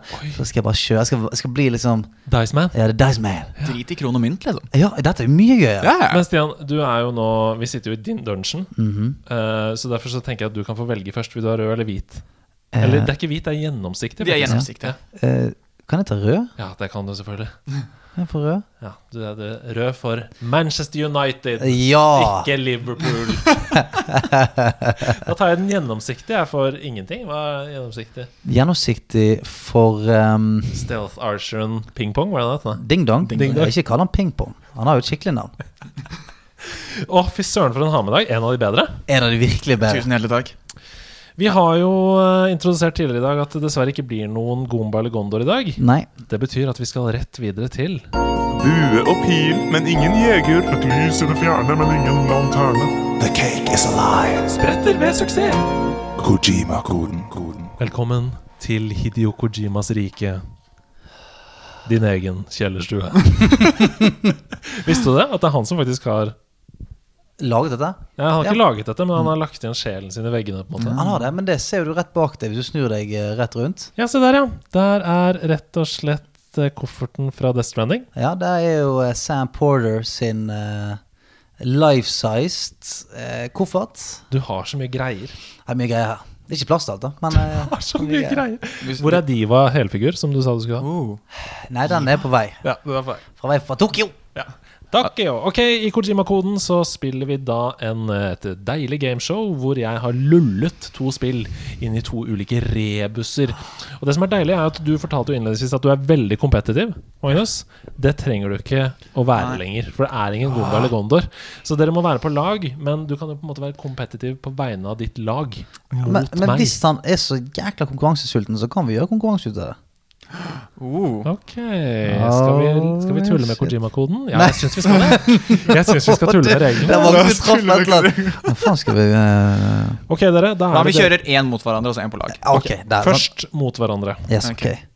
Det går, det går an å få to poeng for å løse koden i første ledd. Mhm. Ett poeng for andre ledd. Mhm. Her kommer det første leddet. Spiss ører og haler. Crash Bandicoot. haler. Fem ulike farger jeg på verktøyet mestrer. Magnus, Ja? Xenoblade Chronicles. Nei, det er det ikke. Ja, ja. Han prøver Kjipt seg. at du sa det. det var dårlig tippa. Nei, det får du aldri jeg tippet deg for. Det er helt Ok. Hva er det dere tenker da? Det, nå er det selvfølgelig sånn at dere er jo kompetitive her, så dere har ikke lyst til å røpe for den andre hva dere tenker. Nei, for jeg, jeg kan prøve å tenke høyt der. For eh, hvilken steder man har sånn type steiner og sånt i våpenet. Um, for da har man elementer, selvfølgelig. Dette er mest sannsynlig elementer. Det er både vind og flammer og Husker du den gamle Jarl Goli-sangen fra Portveien 2? Nei. Fire Indigo. elementer. Oh, ja. Jord og ild og luft og vann. Og her er det Mm. da fem. Så Ja, men de ofte hiver inn en sånn bonus der. Dark eller et eller annet. Hmm. Så det er det eneste. Det, det, dette er den eneste setningen vi får. fem ulike farger jeg på verktøyet mestrer. Verktøyet. Jeg kan åpne gjettekonkurransen igjen. For nå har, du har ikke noe tips å komme med, eller har du lyst til å gi tippe noe? Nei, bare tenk høyt. Det får virke smart. Ja, skal du Nei. tippe? Eh, nei. Ikke ennå. For, for jeg fikk liksom en, en litt inspirasjon fra dette rommet. Mm. Snakker vi noe sånn Avengers-opplegg her? Ja, for du ser på den Infinity Jeg, Gloven jeg ser på den. Infinity Gauntleten, Mhm. eh, life size, som er bak her. Det er jo et verktøy, men det har jo mm. seks, da. Skal, jeg, skal jeg skru på den? Ja. Oi, det, nei, du kødder. Å, herregud. Ikke knips med den. Det er ikke lov. Du får ikke knipse med den. Ja, det var altså lyden av en Infinity Glove eh, bak. Er, den har jo seks farger, så det Og det der er den ekte Infinity Gloven som de brukte i filmen. Ja, faktisk. så du kappet av armen på. Ja. Ok, faen altså jeg, Dette her eh, For jeg mener at jeg har spilt noe nylig som har uh, noe sånt. Og der gliser han. Og der gliser han. Uh, det er ikke Det er ikke, det, er ikke Genshin Impact. Nei, det er det ikke. Okay. Vil du tippe en gang til, Magnus? Eller vil dere Nei, vi, vi har clou nummer to, jeg. Ja, vi må ha oss det. Fem ulike farger jeg på verktøyet mestrer? Treffer jeg på rytmen? Grepet jeg Hero. fester? Gitar Hero. Helt Ah. riktig. Ja da. Hvor mye klikker du da? Å, den er fin. Ja, men for faen, den er jo vanskelig, da. Fem ulike farger på verktøyet. Ja, ja, men det kunne, jo vært, det kunne jo vært alt mulig. Det ligger et verktøy Jeg bak vet der. det ligger en fem der. Gjør det? Hvorfor så ikke man bak meg? Nei, stilig. Treffer jeg på rytmen? Grepet jeg fester? Nei. Uh-huh. Jeg grep til gitar. Eh, Veldig bra jobba. ja, er Ett poeng. Det til en snik. Ja, jeg er en snikete Kojima-kode, men det er jo fordi jeg får inspirasjon direkte fra Hideos egen hjerne, som jeg har på glass eh, hjemme. Um, Magnus, det Ja. betyr at du tapte, Jeg gjør det. fordi nå er dere på lag. Nå er på lag. Men Er dere klar for å knesje hodene sammen, slik at dere løser Kojima-kode 2? Yes, yes, yes, yes, yes. En tåke så tykk, og en tittel så taus. Oi! Tåke så tykk og en tittel så taus. Eh, en så... Jo da, jeg vet hva det er. Sign it til. Det er riktig. Oh, baby! Det er sånn skrekkspillopplegg, er det ikke det? Jo. Jo, for det, er sånn, det, har hold, det holder jeg meg så unna. Ja, man prøver å forsere denne tåken som ligger så tykt der. Jeg lurte på om kanskje tittel og Taus var litt for enkel, men du smalt inn der, du. Jeg smalt den inn der. Her er altså, her er altså uh, ledd to. Ja. Her kommer ledd to. En tåke så tykk og en tittel så taus. Jeg har aldri vært så glad i en planke som jeg var på stillhetens knaus. Oi, oi, oi. Dette er sånn bare Bare å høre kodene seg sjøl, det er jo noe Det er poesi. Ja. Det er kunst. Man går jo da gjennom særlig til eh, veldig store deler av spillet i hvert fall, i begynnelsen i hvert fall, med da en planke som man driver og slår oh, ja. disse fiendene med, med spiker i den Ja, planken. det føles ganske håpløst. For det, det er ikke sånn at du løper altså, så I Resident Evil så har du, du har med en gang. Ja. Du kan i hvert fall, begynne å plaffe litt. Men her går du rundt med en, en dorull og en pakke med dokk halslinser. Men jeg husker jo eh, jeg Alt du trenger. Ja, alt du trenger. Altså, jeg grep veldig hardt rundt den planken. Ja, ja, ja. Så ja. Tusen takk for at dere deltok i Takk Kojima-koden. for at du eh, har jern på glass. Ja, det, det skal du takke meg for, for det var litt av en jobb å få til.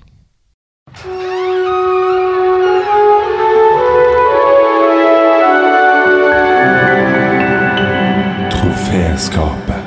I kjelleren i dag så er jeg så heldig å ha eh, en dungeon master ved min side, og foran meg det jeg vil kalle en trophy master.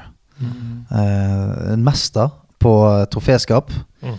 Og eh, det er mesteren sjøl som taler i dag.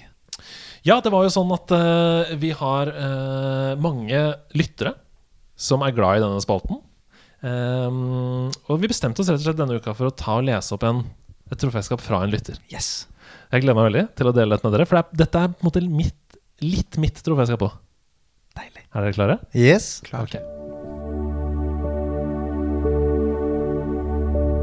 Dette er en historie fra virkeligheten. Det er også en historie om et drømmeland, ja, faktisk to drømmeland, som har gjort uslettelig inntrykk på meg, og som lever i meg den dag i dag. Vi må tilbake til 1999. Jeg var ti år gammel og hadde fått en demo-CD med bladet Computer for alle. Begeistret så oppdaget jeg et Monkey Island-aktig pek- og klikkspill på norsk. Den lengste reisen. Jeg var over meg av begeistring for demoen, der man bare fikk spille kapittel 6, Kaosstormen. Og jeg spilte den om og om igjen. Jeg spydde litt fra kanten av båten, spiste litt råtne epler, fikla med kompasset til kaptein Nebev eh, og gjorde dumme ting med en øks under dekk. Nå var jeg så beinklar for fullversjonen som jeg kunne bli. Det var november, og det nærmet seg jul. Og på førsteplass på ønskelista så sto selvsagt 'Den lengste reisen PC-spill' med store bokstaver. Det var ingen andre ønsker på listen den jula. Kvelden kom, og under treet så lå en gave til meg. En eske i perfekt fasong for et PC-spill. Og da det endelig var tid for å åpne pakka, så rev jeg papiret av den PC-spillformede esken med en brutalitet som kun kan sammenlignes med da jeg fikk min første Gameboy i 1996. Og det var som jeg trodde. Det var et PC-spill. Det var den store matteraketten. Skuffelsen var enorm. Spillet rundet jeg på 25 minutter, og det ble nye trøsterunder med kompassfikling og øksefomling på den hvite drage. Til slutt så fortalte jeg sorgtungt til foreldrene mine at jeg ønsket meg et annet spill. Mamma, som alle mødre med respekt for seg selv, skjønte alvoret og tok meg straks med til Spiderman på Buskerud Storsenter. På Spiderman kunne man nemlig bytte inn brukte spill, og håpet ble tent på nytt. Jeg fant den lengste reisen i hylla. Det kostet 499 kroner.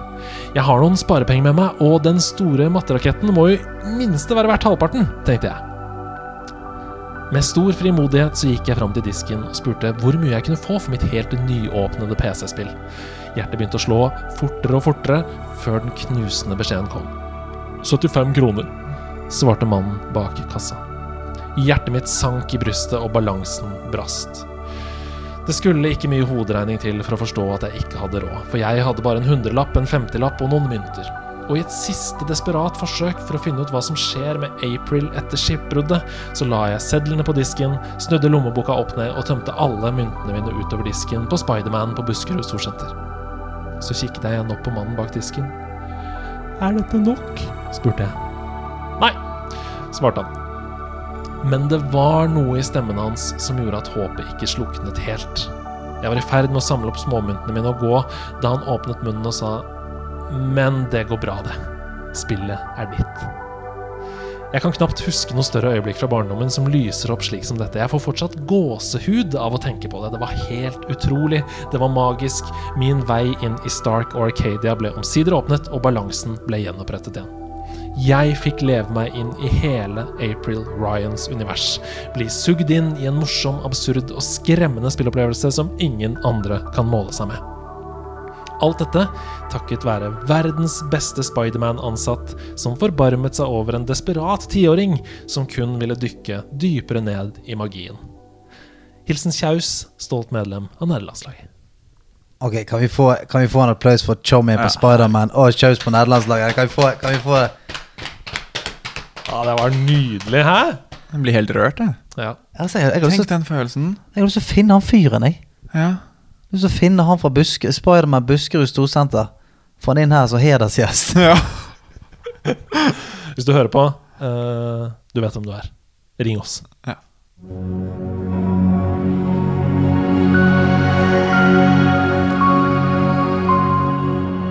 Det store spørsmålet fra Opp Ned Kors. Ny dag og nye muligheter. Fuglene kvitrer, og lukten av en nytraktet kanne med kaffe kjennes i bakgrunnen. Allikevel så er det noe merkelig med denne morgenen. Noe kjennes annerledes ut. Du kjenner deg mer opplagt enn noensinne, og du merker en energi du aldri har sett maken til. Raskere, sterkere, smidigere og rett og slett helt fantastisk. Uante krefter og ferdigheter baner vei for en helt ny hverdag. Men alt er likevel ikke rosenrødt, for mørke krefter lumsker i det fjerne, og det er opp til nettopp deg å sette en stopper for dette. Hvilken spillkarakter ville dere aller helst byttet liv med? Og det er altså Laserwalt på Discord som hadde ideen til denne ukens spørsmål. Fikk jeg beskjed om å presisere, så tusen takk til deg, Laserwalt. Men bytte liv for å ta denne faren? Eh, ja, jeg tror han prøver- å eh, male et bilde av at du nå våkner som en annen spillkarakter. Ja. Eh, men det er litt gøy Jeg tenkte på, det er litt gøy ekstraelement at denne spillkarakteren som du bytter liv med, må da på en måte hente Noel i barnehagen og ta over din. Ja, sant. Ja, for den skal òg lage mat og alt mulig. Og levere på senkveld og For den er vanskelig. For okay, Du skal ha en karakter som kan bekjempe de mørke, mørke kreftene. Men også Og spørre Sven Nordin hvordan det er å bli bestefar. Den er, den er vanskelig. ja. det er, Men det er jo noen empatiske Final Fantasy-karakterer, begynner jeg med en gang å tenke på. Ja, Som må- kan svinge sverd og ha en god samtale eh, etterpå. Det er ikke lov å si. Nei, det er ikke, det er ikke lov å si, tror jeg. Hva tenker du, Magnus? Jeg, altså, det første jeg tenker er sånn For mange spill har på en måte ekte personer i spillet. Ja. Bytter man da med personen i spillet eller den ekte personen i virkeligheten? Åh, hva mener du nå? Altså sånn eh, Sånn type sånn nå, ah, jeg kommer ikke Kevin på- Spacey i Modern Warfare? For eksempel. Sant? Ok, sånn, ja. Er du da Kevin Spacey i virkeligheten, eller er du Kevin Spacey Ah, nei, i nei. Modern Warfare? Ja, Du er karakteren, ja. Ja, Ja, ok, greit. Spillkarakter. Så du er da Major Branks, eller hva han heter. uh, i det spillet. Brim Bram. Major Brim Played by Kevin Spacey. My name is Major Brim Bram. Brim Bram. Han høres ikke ut som den smarteste soldaten. My name is Major Brim Bram. ikke, ikke ha forutinntatte holdning mot Major Brim Bram. Nei, nei, nei, det var jo så lagd han for ti sekunder siden. Nei, fordi um, det som er jeg, jeg prøver hele tiden å tenke på sånn hva, Hvilke behov i mitt liv er det som er viktig å dekke inn? Samtidig som du har kreftene til å bekjempe det onde. Ja, eh, for jeg er ikke sånn De på jobben min, f.eks. Hvilken spillkarakter er det som kan dekke mitt, min kreativitet som jeg har der? Uh, det må være Altså Det er jo et spill hvor du Jeg husker ikke helt hva det heter nå, men det er sånn touchscreen scribble notes. Scribble notes? Hvor du, du må tegne Du tegner f.eks. et romskip, da og så blir det til et romskip i spillet. Oh, ja. Og der er det jo også sånn at karakterene Du skal løse ulike puzzles med må tegne ting. Og det er bare fantasien som setter grenser. Kanskje hovedpersonen i Scribble Notes kunne ha, full, kunne ha gjort min jobb, da, ja. til vanlig. Um, handsome Jack, kanskje? Oi, det er ikke Du ligner jo litt òg. Hei, hva faen? Jeg gjør det. Men uh, du, Handsome Jack. ja. Handsome Jack? Ja, fordi jeg tror kanskje den oppmerksomheten Handsome Jack ville fått i Senkveld, f.eks., Mm. ville gjort at det hadde holdt. Jeg tror ikke han hadde blitt ond, liksom. Nei, nei, akkurat det. Sant? Og, hvis han, altså, han kunne funnet på noe sprell. Sant? Eh, Ja, Puttet sant. på eh, en laser på månen og litt sånn eh, festligheter der. Ja. Som virkelig kunne fått Senkveld opp til et helt nytt nivå, tror jeg. Han kunne laget en robotarmé eh, som hadde på en måte gjort sprell. Slapp av, folkens. Jeg trenger ikke noe budsjett. Jeg, jeg fikser det. Jeg fikser det greiene. Laser.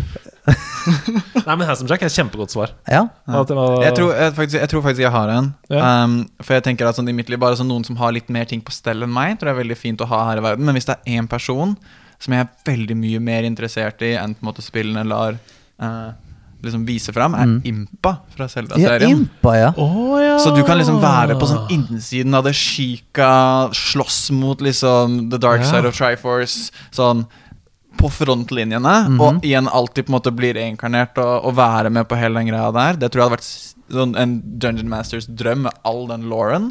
Og så har man bare sånn impa som bare tar seg av alt sammen her. Men der, der, faen, der er du inne på noe jækla bra. Altså sånn, Velge en karakter som har reincarnation, må jo være helt fantastisk. Ja, ja. Altså litt kjipt òg, da. Så det er sånn, ah, here we go again. Ja, ja, ja, oh, Der var vi i gang igjen, ja. Jeg velger uh, Hitman, jeg. Sant? Oh. Ok. Fordi jeg begynner å bli tynn i håret på toppen.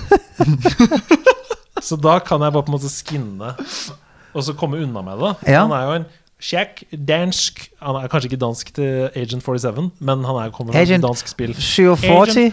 97 fjerdeklasse. Ja, sjef har Hva heter det bamse. på? Um, og så tenker jeg at han er veldig stille. Så Ja. det ville ikke vært irriterende heller at Agent 47 gikk rundt hjemme i huset mitt sammen med Camilla. skulle hatt denne podkasten her, da. Du kunne ikke Ja, sittet er der og bare vært stille, da. Altså, Du hadde sittet og vært stille, og jeg hadde alltid vært redd for om du skulle drepe meg. meg. Jeg har det. Parappa the Rapper. Jeg bytter liv med Parappa the Rapper. Parappa the rapper? Ja. Så, så er jeg i spillet, så kick, kick, punch, punch. Det er alt jeg må gjøre for Ja, å så, komme du, meg videre. så du gikk fra ikke-irriterende til kjempeirriterende? For for jeg har jo rytmesans, så jeg kunne jo runda Parappa the Rapper som Hedo the Rapper. Ja. Og så kunne Parappa the Rapper vært i podcasten og snakka Hey guys, it's a new episode. Day one and a two and a three, four, Ja, five. ja. Jeg kan, Ok. jeg kan i hvert fall si at Hvis du blir på Rapper the Rapper, da, eh, da, jeg, da, da tror jeg kanskje jeg må, det må gjøre noe annet. For det har ikke, det har ikke giddet. Hver gang sånn Hei, du også sitter her med min uh, venn Andreas Hedemann, eller på Rapper the Rapper. Flickety flow and the rib and bomb. Ok, men hva har du spilt i det siste, da? Wham, bam, fam, and sam, bam, damn. Ok, greit, dette går veldig dårlig. Vi tar inn gjesten. Impa. Åh, nei, det hadde vært gøy. Men da er uh, Handsome Jack, Handsome Jack fra Borderlands. Impa Impa. fra Legend of Zelda- Zelda-universet og Parappa the Rapper fra det store og vide Parappa the Rapper-universet. Tusen takk for at dere svarte på det store spørsmålet. Korktavl har vi fått fraktet med, med stor bil opp til uh, The Dungeon Det har vi. Det er ingen lydfiler, så det er opp til dere, folkens, å sende inn noen lydspørsmål til oss. Ja, for vi, dette, vi må presisere Vi elsker når dere sender lydspørsmål. Eh, virkelig, Det er super super hyggelig å få høre stemmene deres, så please gjør det. Hei, Stian og Andreas, og gjest, så klart. Halla. Jeg vokste opp i et hjem som deg, Andreas, der spill måtte vike for skøyter, langrenn, fotball etc. Det gjør at jeg har et ganske solid spillhull. Jeg har f.eks. null forhold til Mario og Zelda. Wow. Da jeg aldri har opplevd Nintendo før jeg i voksen alder kjøpte Nintendo Switch til min egen familie. Har dere noen seriøse spillhull? Og kan dere reflektere litt rundt hvordan det har seg at sånne som meg og Andreas, som ikke fikk spille så mye hjemme, likevel har utviklet et brennende lidenskapelig forhold til spill? Er det medfødt, eller er det samfunn? Kjør debatt.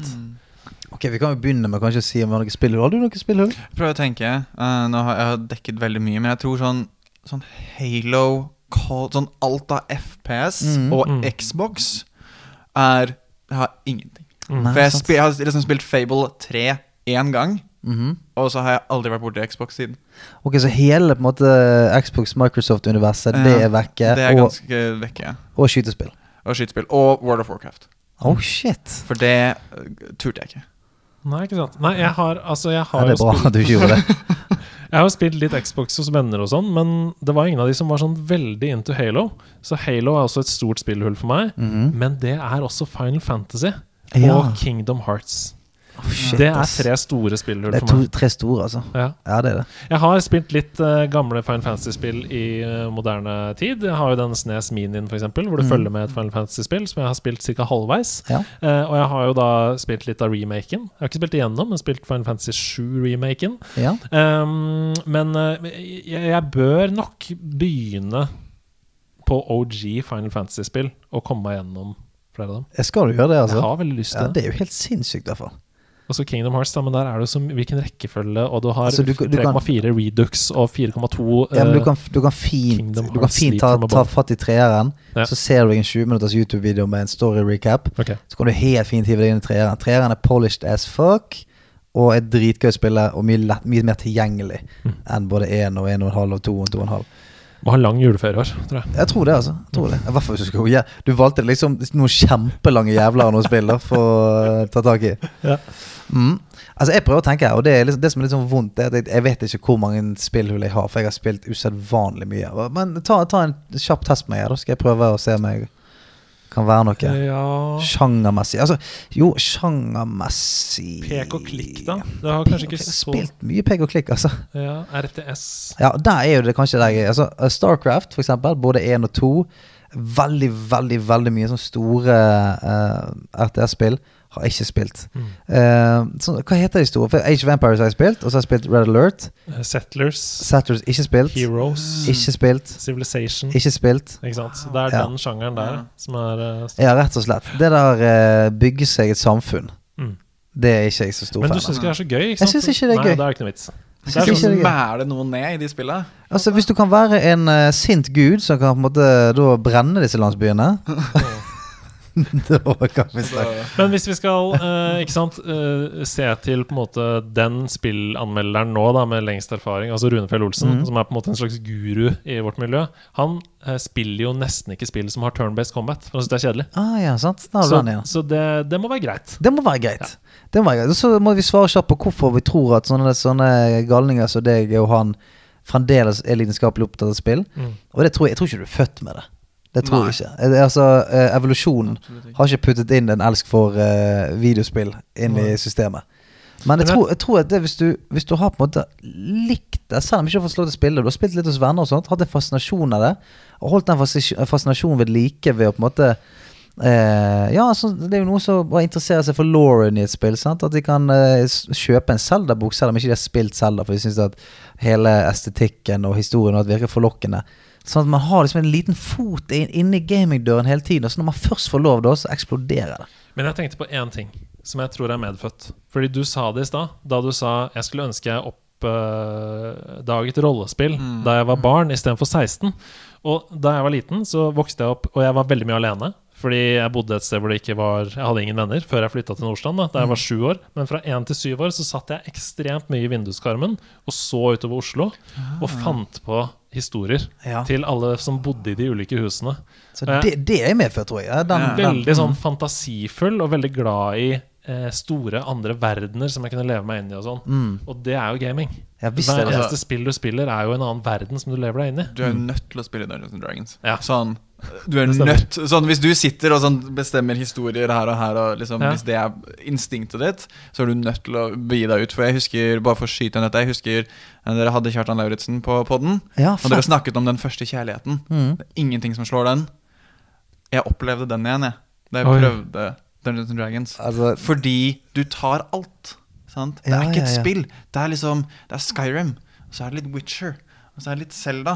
Og så blander du alt sammen inni noe du selv skaper, og så plutselig så er du der. Altså, vi må spille dette. Og, men jeg bare lurer på kjapt sånn Hvordan tror du dette hadde, gå- tro- hvordan tror du det hadde gått hvis du var Dungeon Master og jeg var deltaker? Jeg tror jeg hadde prøvd uh, i det lengste å ikke være biased. Og så tror jeg du hadde anklaget meg for å være biased i alle settinger. Jeg tror jeg, tror jeg stemmer ganske bra. Få se på den terningen her. Du, har, har du vekta terningen? Ja, er det vekta? Da kan alle kjenne på den terningen der. Men nå går jo alt mot meg, jo! okay, Jeg må jo for faen klare å svinge meg i en lysekrone uten å falle ned. Jeg er jo ikke helt tilbakestående. Jeg må få se. ok, Vi har to spørsmål til her. Ja.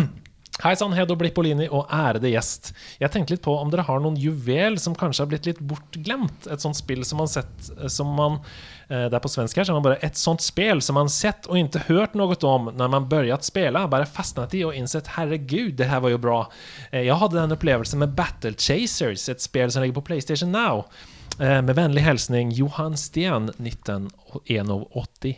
Hei, hei, Johan. Tatt alt på svensk, hvorfor gjør jeg ikke det? Du er veldig fin på svensk. Takk. Det syns jeg. Heder Et med. spill som du ikke hadde noen forventninger til, men som bare Wow, det her var jo ganske gøy. Å ja, sånn ja. Jeg kan Ok. begynne med en. Ja. Guns, Gore and Cannoli. ja, det var fett, det. Som vi spilte her i spillklubben i sesong én av nederlandslaget, som føles som 500 år siden nå. Mm. Men det tenkte jeg sånn Ok, dette spillet Skal vi bare spille? Vi bare ja, komme oss gjennom det. det. Mm. må vi bare komme oss gjennom. Og så bare wow! Dette var en liten Det var dritgøy. En liten shoot em up-perle på Switch, der, rett og Ja.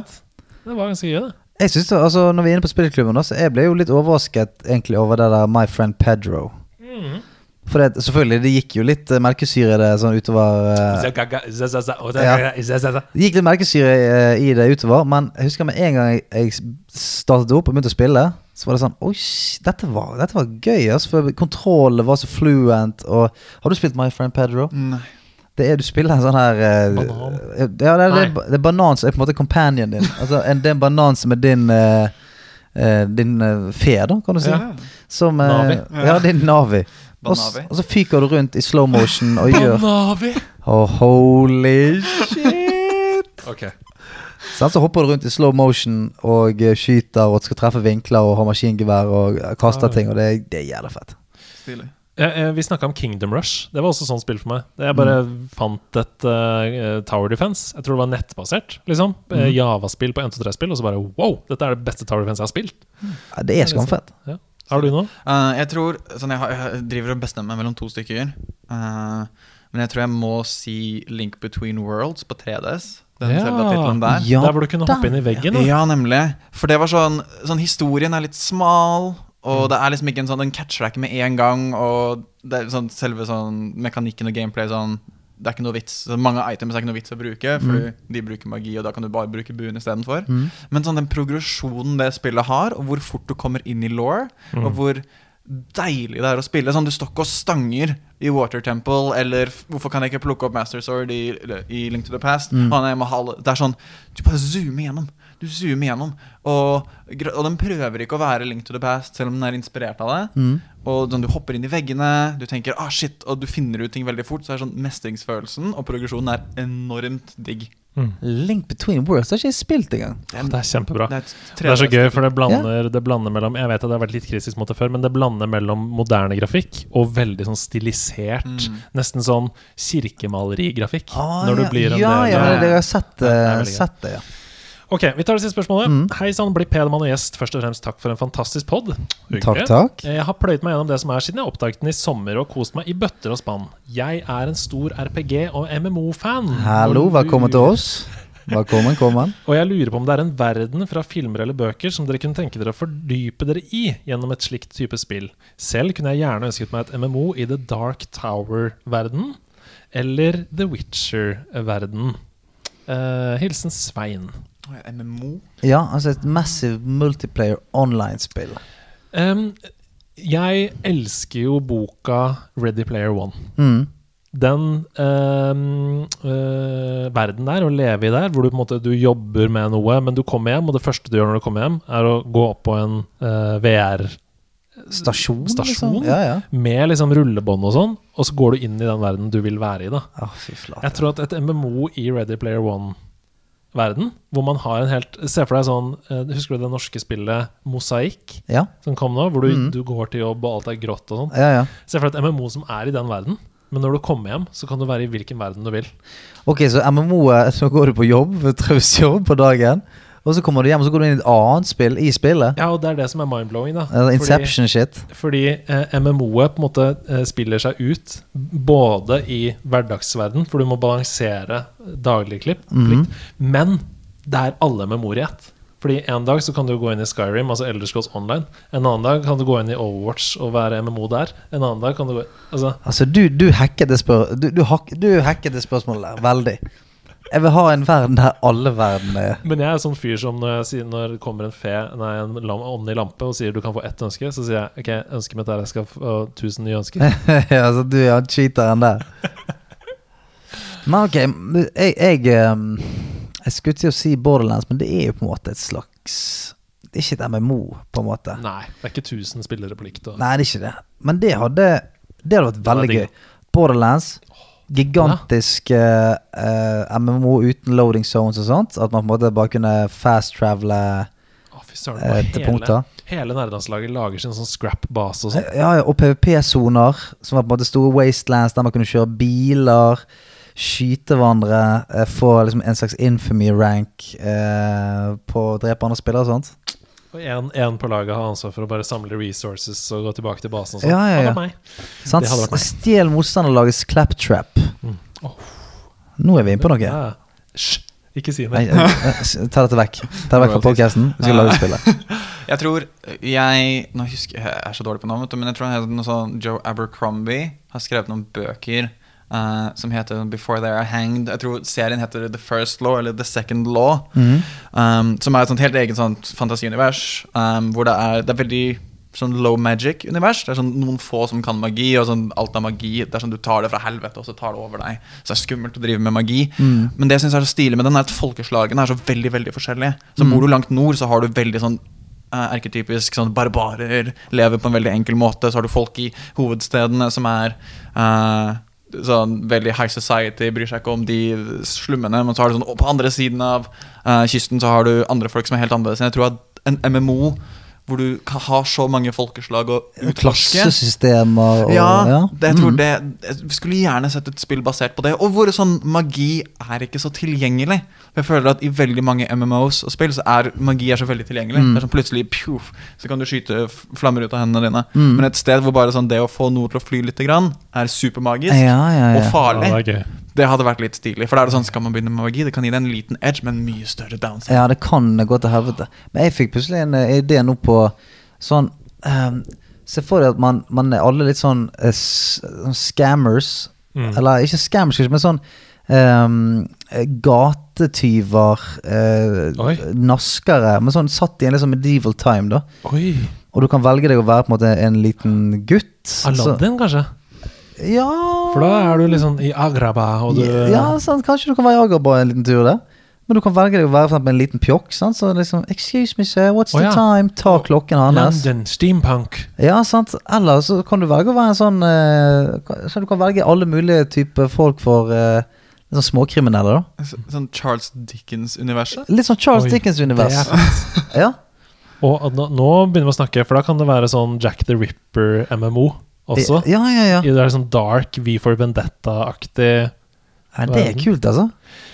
Jeg bare slenger en kicker her på slutten. Ok, kicker Brødrene Løvehjerte. Uh. Ja vel. Nangiala. Du husker den boken mye bedre enn meg. Ja. Fortell. Nei, det er bare um, Brødrene Løvehjerte handler jo om Det er jo utrolig trist. Vi kan ikke gå inn på det, men, men det er jo en drømmeverden. Og det, det, jeg får litt sånn Skyrim-vibber. Ja. Uh, mykere. The Bachelor, MMO-et. Det Du er er The Bachelor, og så er det 9000 andre. 9000 andre, og så må du gi ut roser og sånt hver dag. Oh. Det er, du må få 9000 dater. Vi har, lukket, uh, vi har tatt ned alle rappene fra Cocktail. Ja, det var deilig, det.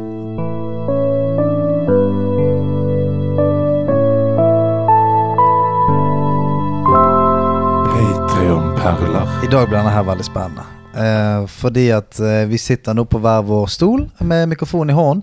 Har ett headset. Så når Andreas nå tar på seg headsetet for å gjøre sine Patreon-perler, så kommer ikke vi til å høre en dritt av hva han hører. Vi kommer til å høre veldig godt hva han sier, Så det vil høres veldig rart ut for oss, og veldig gøy ut for dere. Så eh, Andreas Hedemann, når du er klar for uh, å bli en helt der ute, og til spott og spe her hjemme, så bare setter du i gang. Ja, for jeg så nemlig da jeg satt med dette her, så så jeg at eh, Hybrid Theory, um, albumet til, Å ja, rockegutta. til Linkin Park, det har 20-årsjubileum i år. Så det har kommet uh, i sånn ny versjon på Spotify. Så jeg tenkte litt og slett å stille klokka litt tilbake her nå og lage en slags sånn new metal ra- rappelåt. One thing, I don't know Ja, how, it ja, doesn't even ja. matter how hard you try. Og det som er greia med sånne new metal-låter, er at de er fulle av masse metaforer og sånn. Og så er det masse sånn selvmedlidenhet. Det er sånn emo, det er veldig vondt. At det er vondt sånn. Så her er den, da. Ok, livet handler om å tørre. Det handler om å tørre å være seg sjøl. 100% ok. Da jeg møtte Arthur Gulla, så skjønte jeg at det å stole på seg selv er nøkkelen til livets platt. Bjørn Thorsson sa det som om han var president. Du kan ikke brenne for noe uten å bli litt brent. Fyrst Biola, han er en stemme i mitt hode. Han sier jeg er flink, men jeg kan jo ikke tro det. Gunnbergs dager tikker av gårde som et gammelt ur. Tikk, tikk, takk, han er en trygg farsfigur. Avok, du sitter her i livets vinduskarm og tenker over gangene han følte seg litt varm. Noen ganger må jeg bøye meg for Henrik Apeland. I timeglasset har han klart mest sand, men det jeg pigger i horisonten, det er ild og vann. Hele veien fra Karmøy, Herman Haugen, Kvinnsland, Ivan Olim. Alltid rolig, men på innsiden er det trolig helt ubeboelig. Det er ikke så lett å være nerd. Det er ikke så fett å være meg. Jeg vil jo bare spille spill, men jeg får det ikke til. Ingen rock er en rock, full kontroll på sin flokk, og på en peak sitter snik med fullstendig overblikk. Jeg skulle ønske jeg var trygg som Jon David Johnsen, men jeg er helt på villspor som Lars Monsen. Jeg er ikke vannet i en tørke, som Caroline Mys. Hun leder veien ut av mørket til en fremtid som er lys. Jeg må gi av meg selv, som Marius Hauge gjør. Jeg må tråkke meg rundt, barbeint på glør. Jeg kjenner Marius Seim. Puster meg i nakken, det er seierens eim, og jeg faller imot bakken. Martin Lone Nuland, Brann, Strand og Vann. Jeg er en tiendedel av det han er mann. Så når alt blir for tungt, og jeg føler meg som ingen, så ringer jeg til Ola. Theodor Klingen, han sier gjør som Ole Martin. Du kong tvett, du må være deg sjæl. 100 det er ikke så lett å være nerd. Det er ikke så fett å være meg. Jeg vil jo bare spille spill, men jeg får det ikke til. For jeg har det lukt som rennvann. Jeg gikk en instruks som Sigurd Gran. Jeg er ikke en lord som Sive Vågvård. Jeg har ikke en Opel som Skrobel. Jeg kan ikke eie snipp og stapp som Snorre Martinsen. Jeg kan ikke spise dipp og japp som Tore Dalaker. Det eneste jeg vil, er å være like snill som William Banelin. For jeg vil jo bare spille spill, men jeg får det ikke til. Får det ikke til.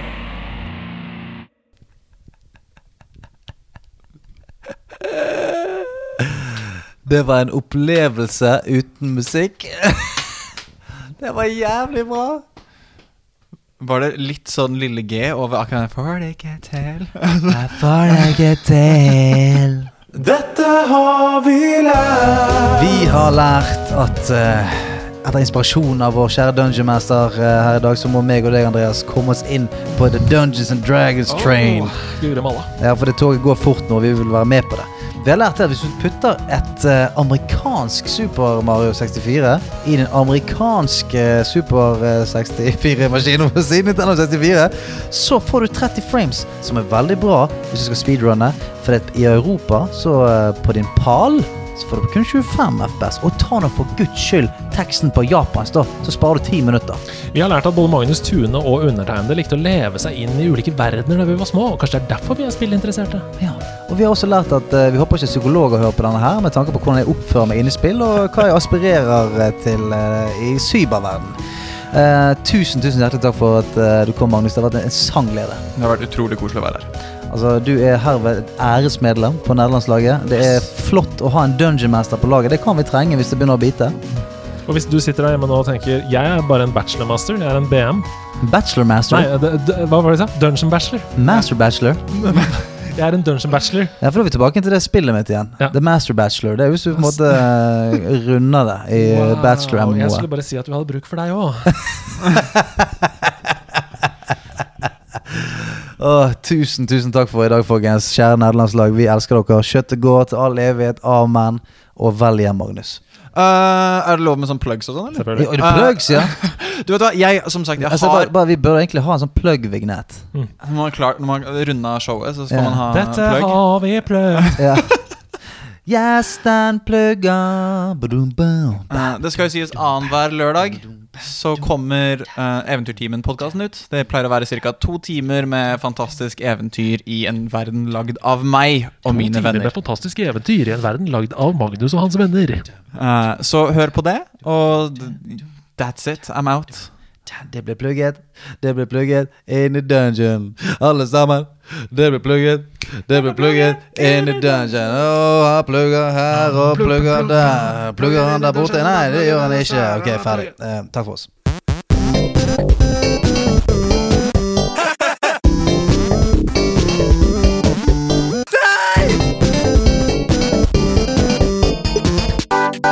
Nerdelandslaget. Den er god! Den er grei.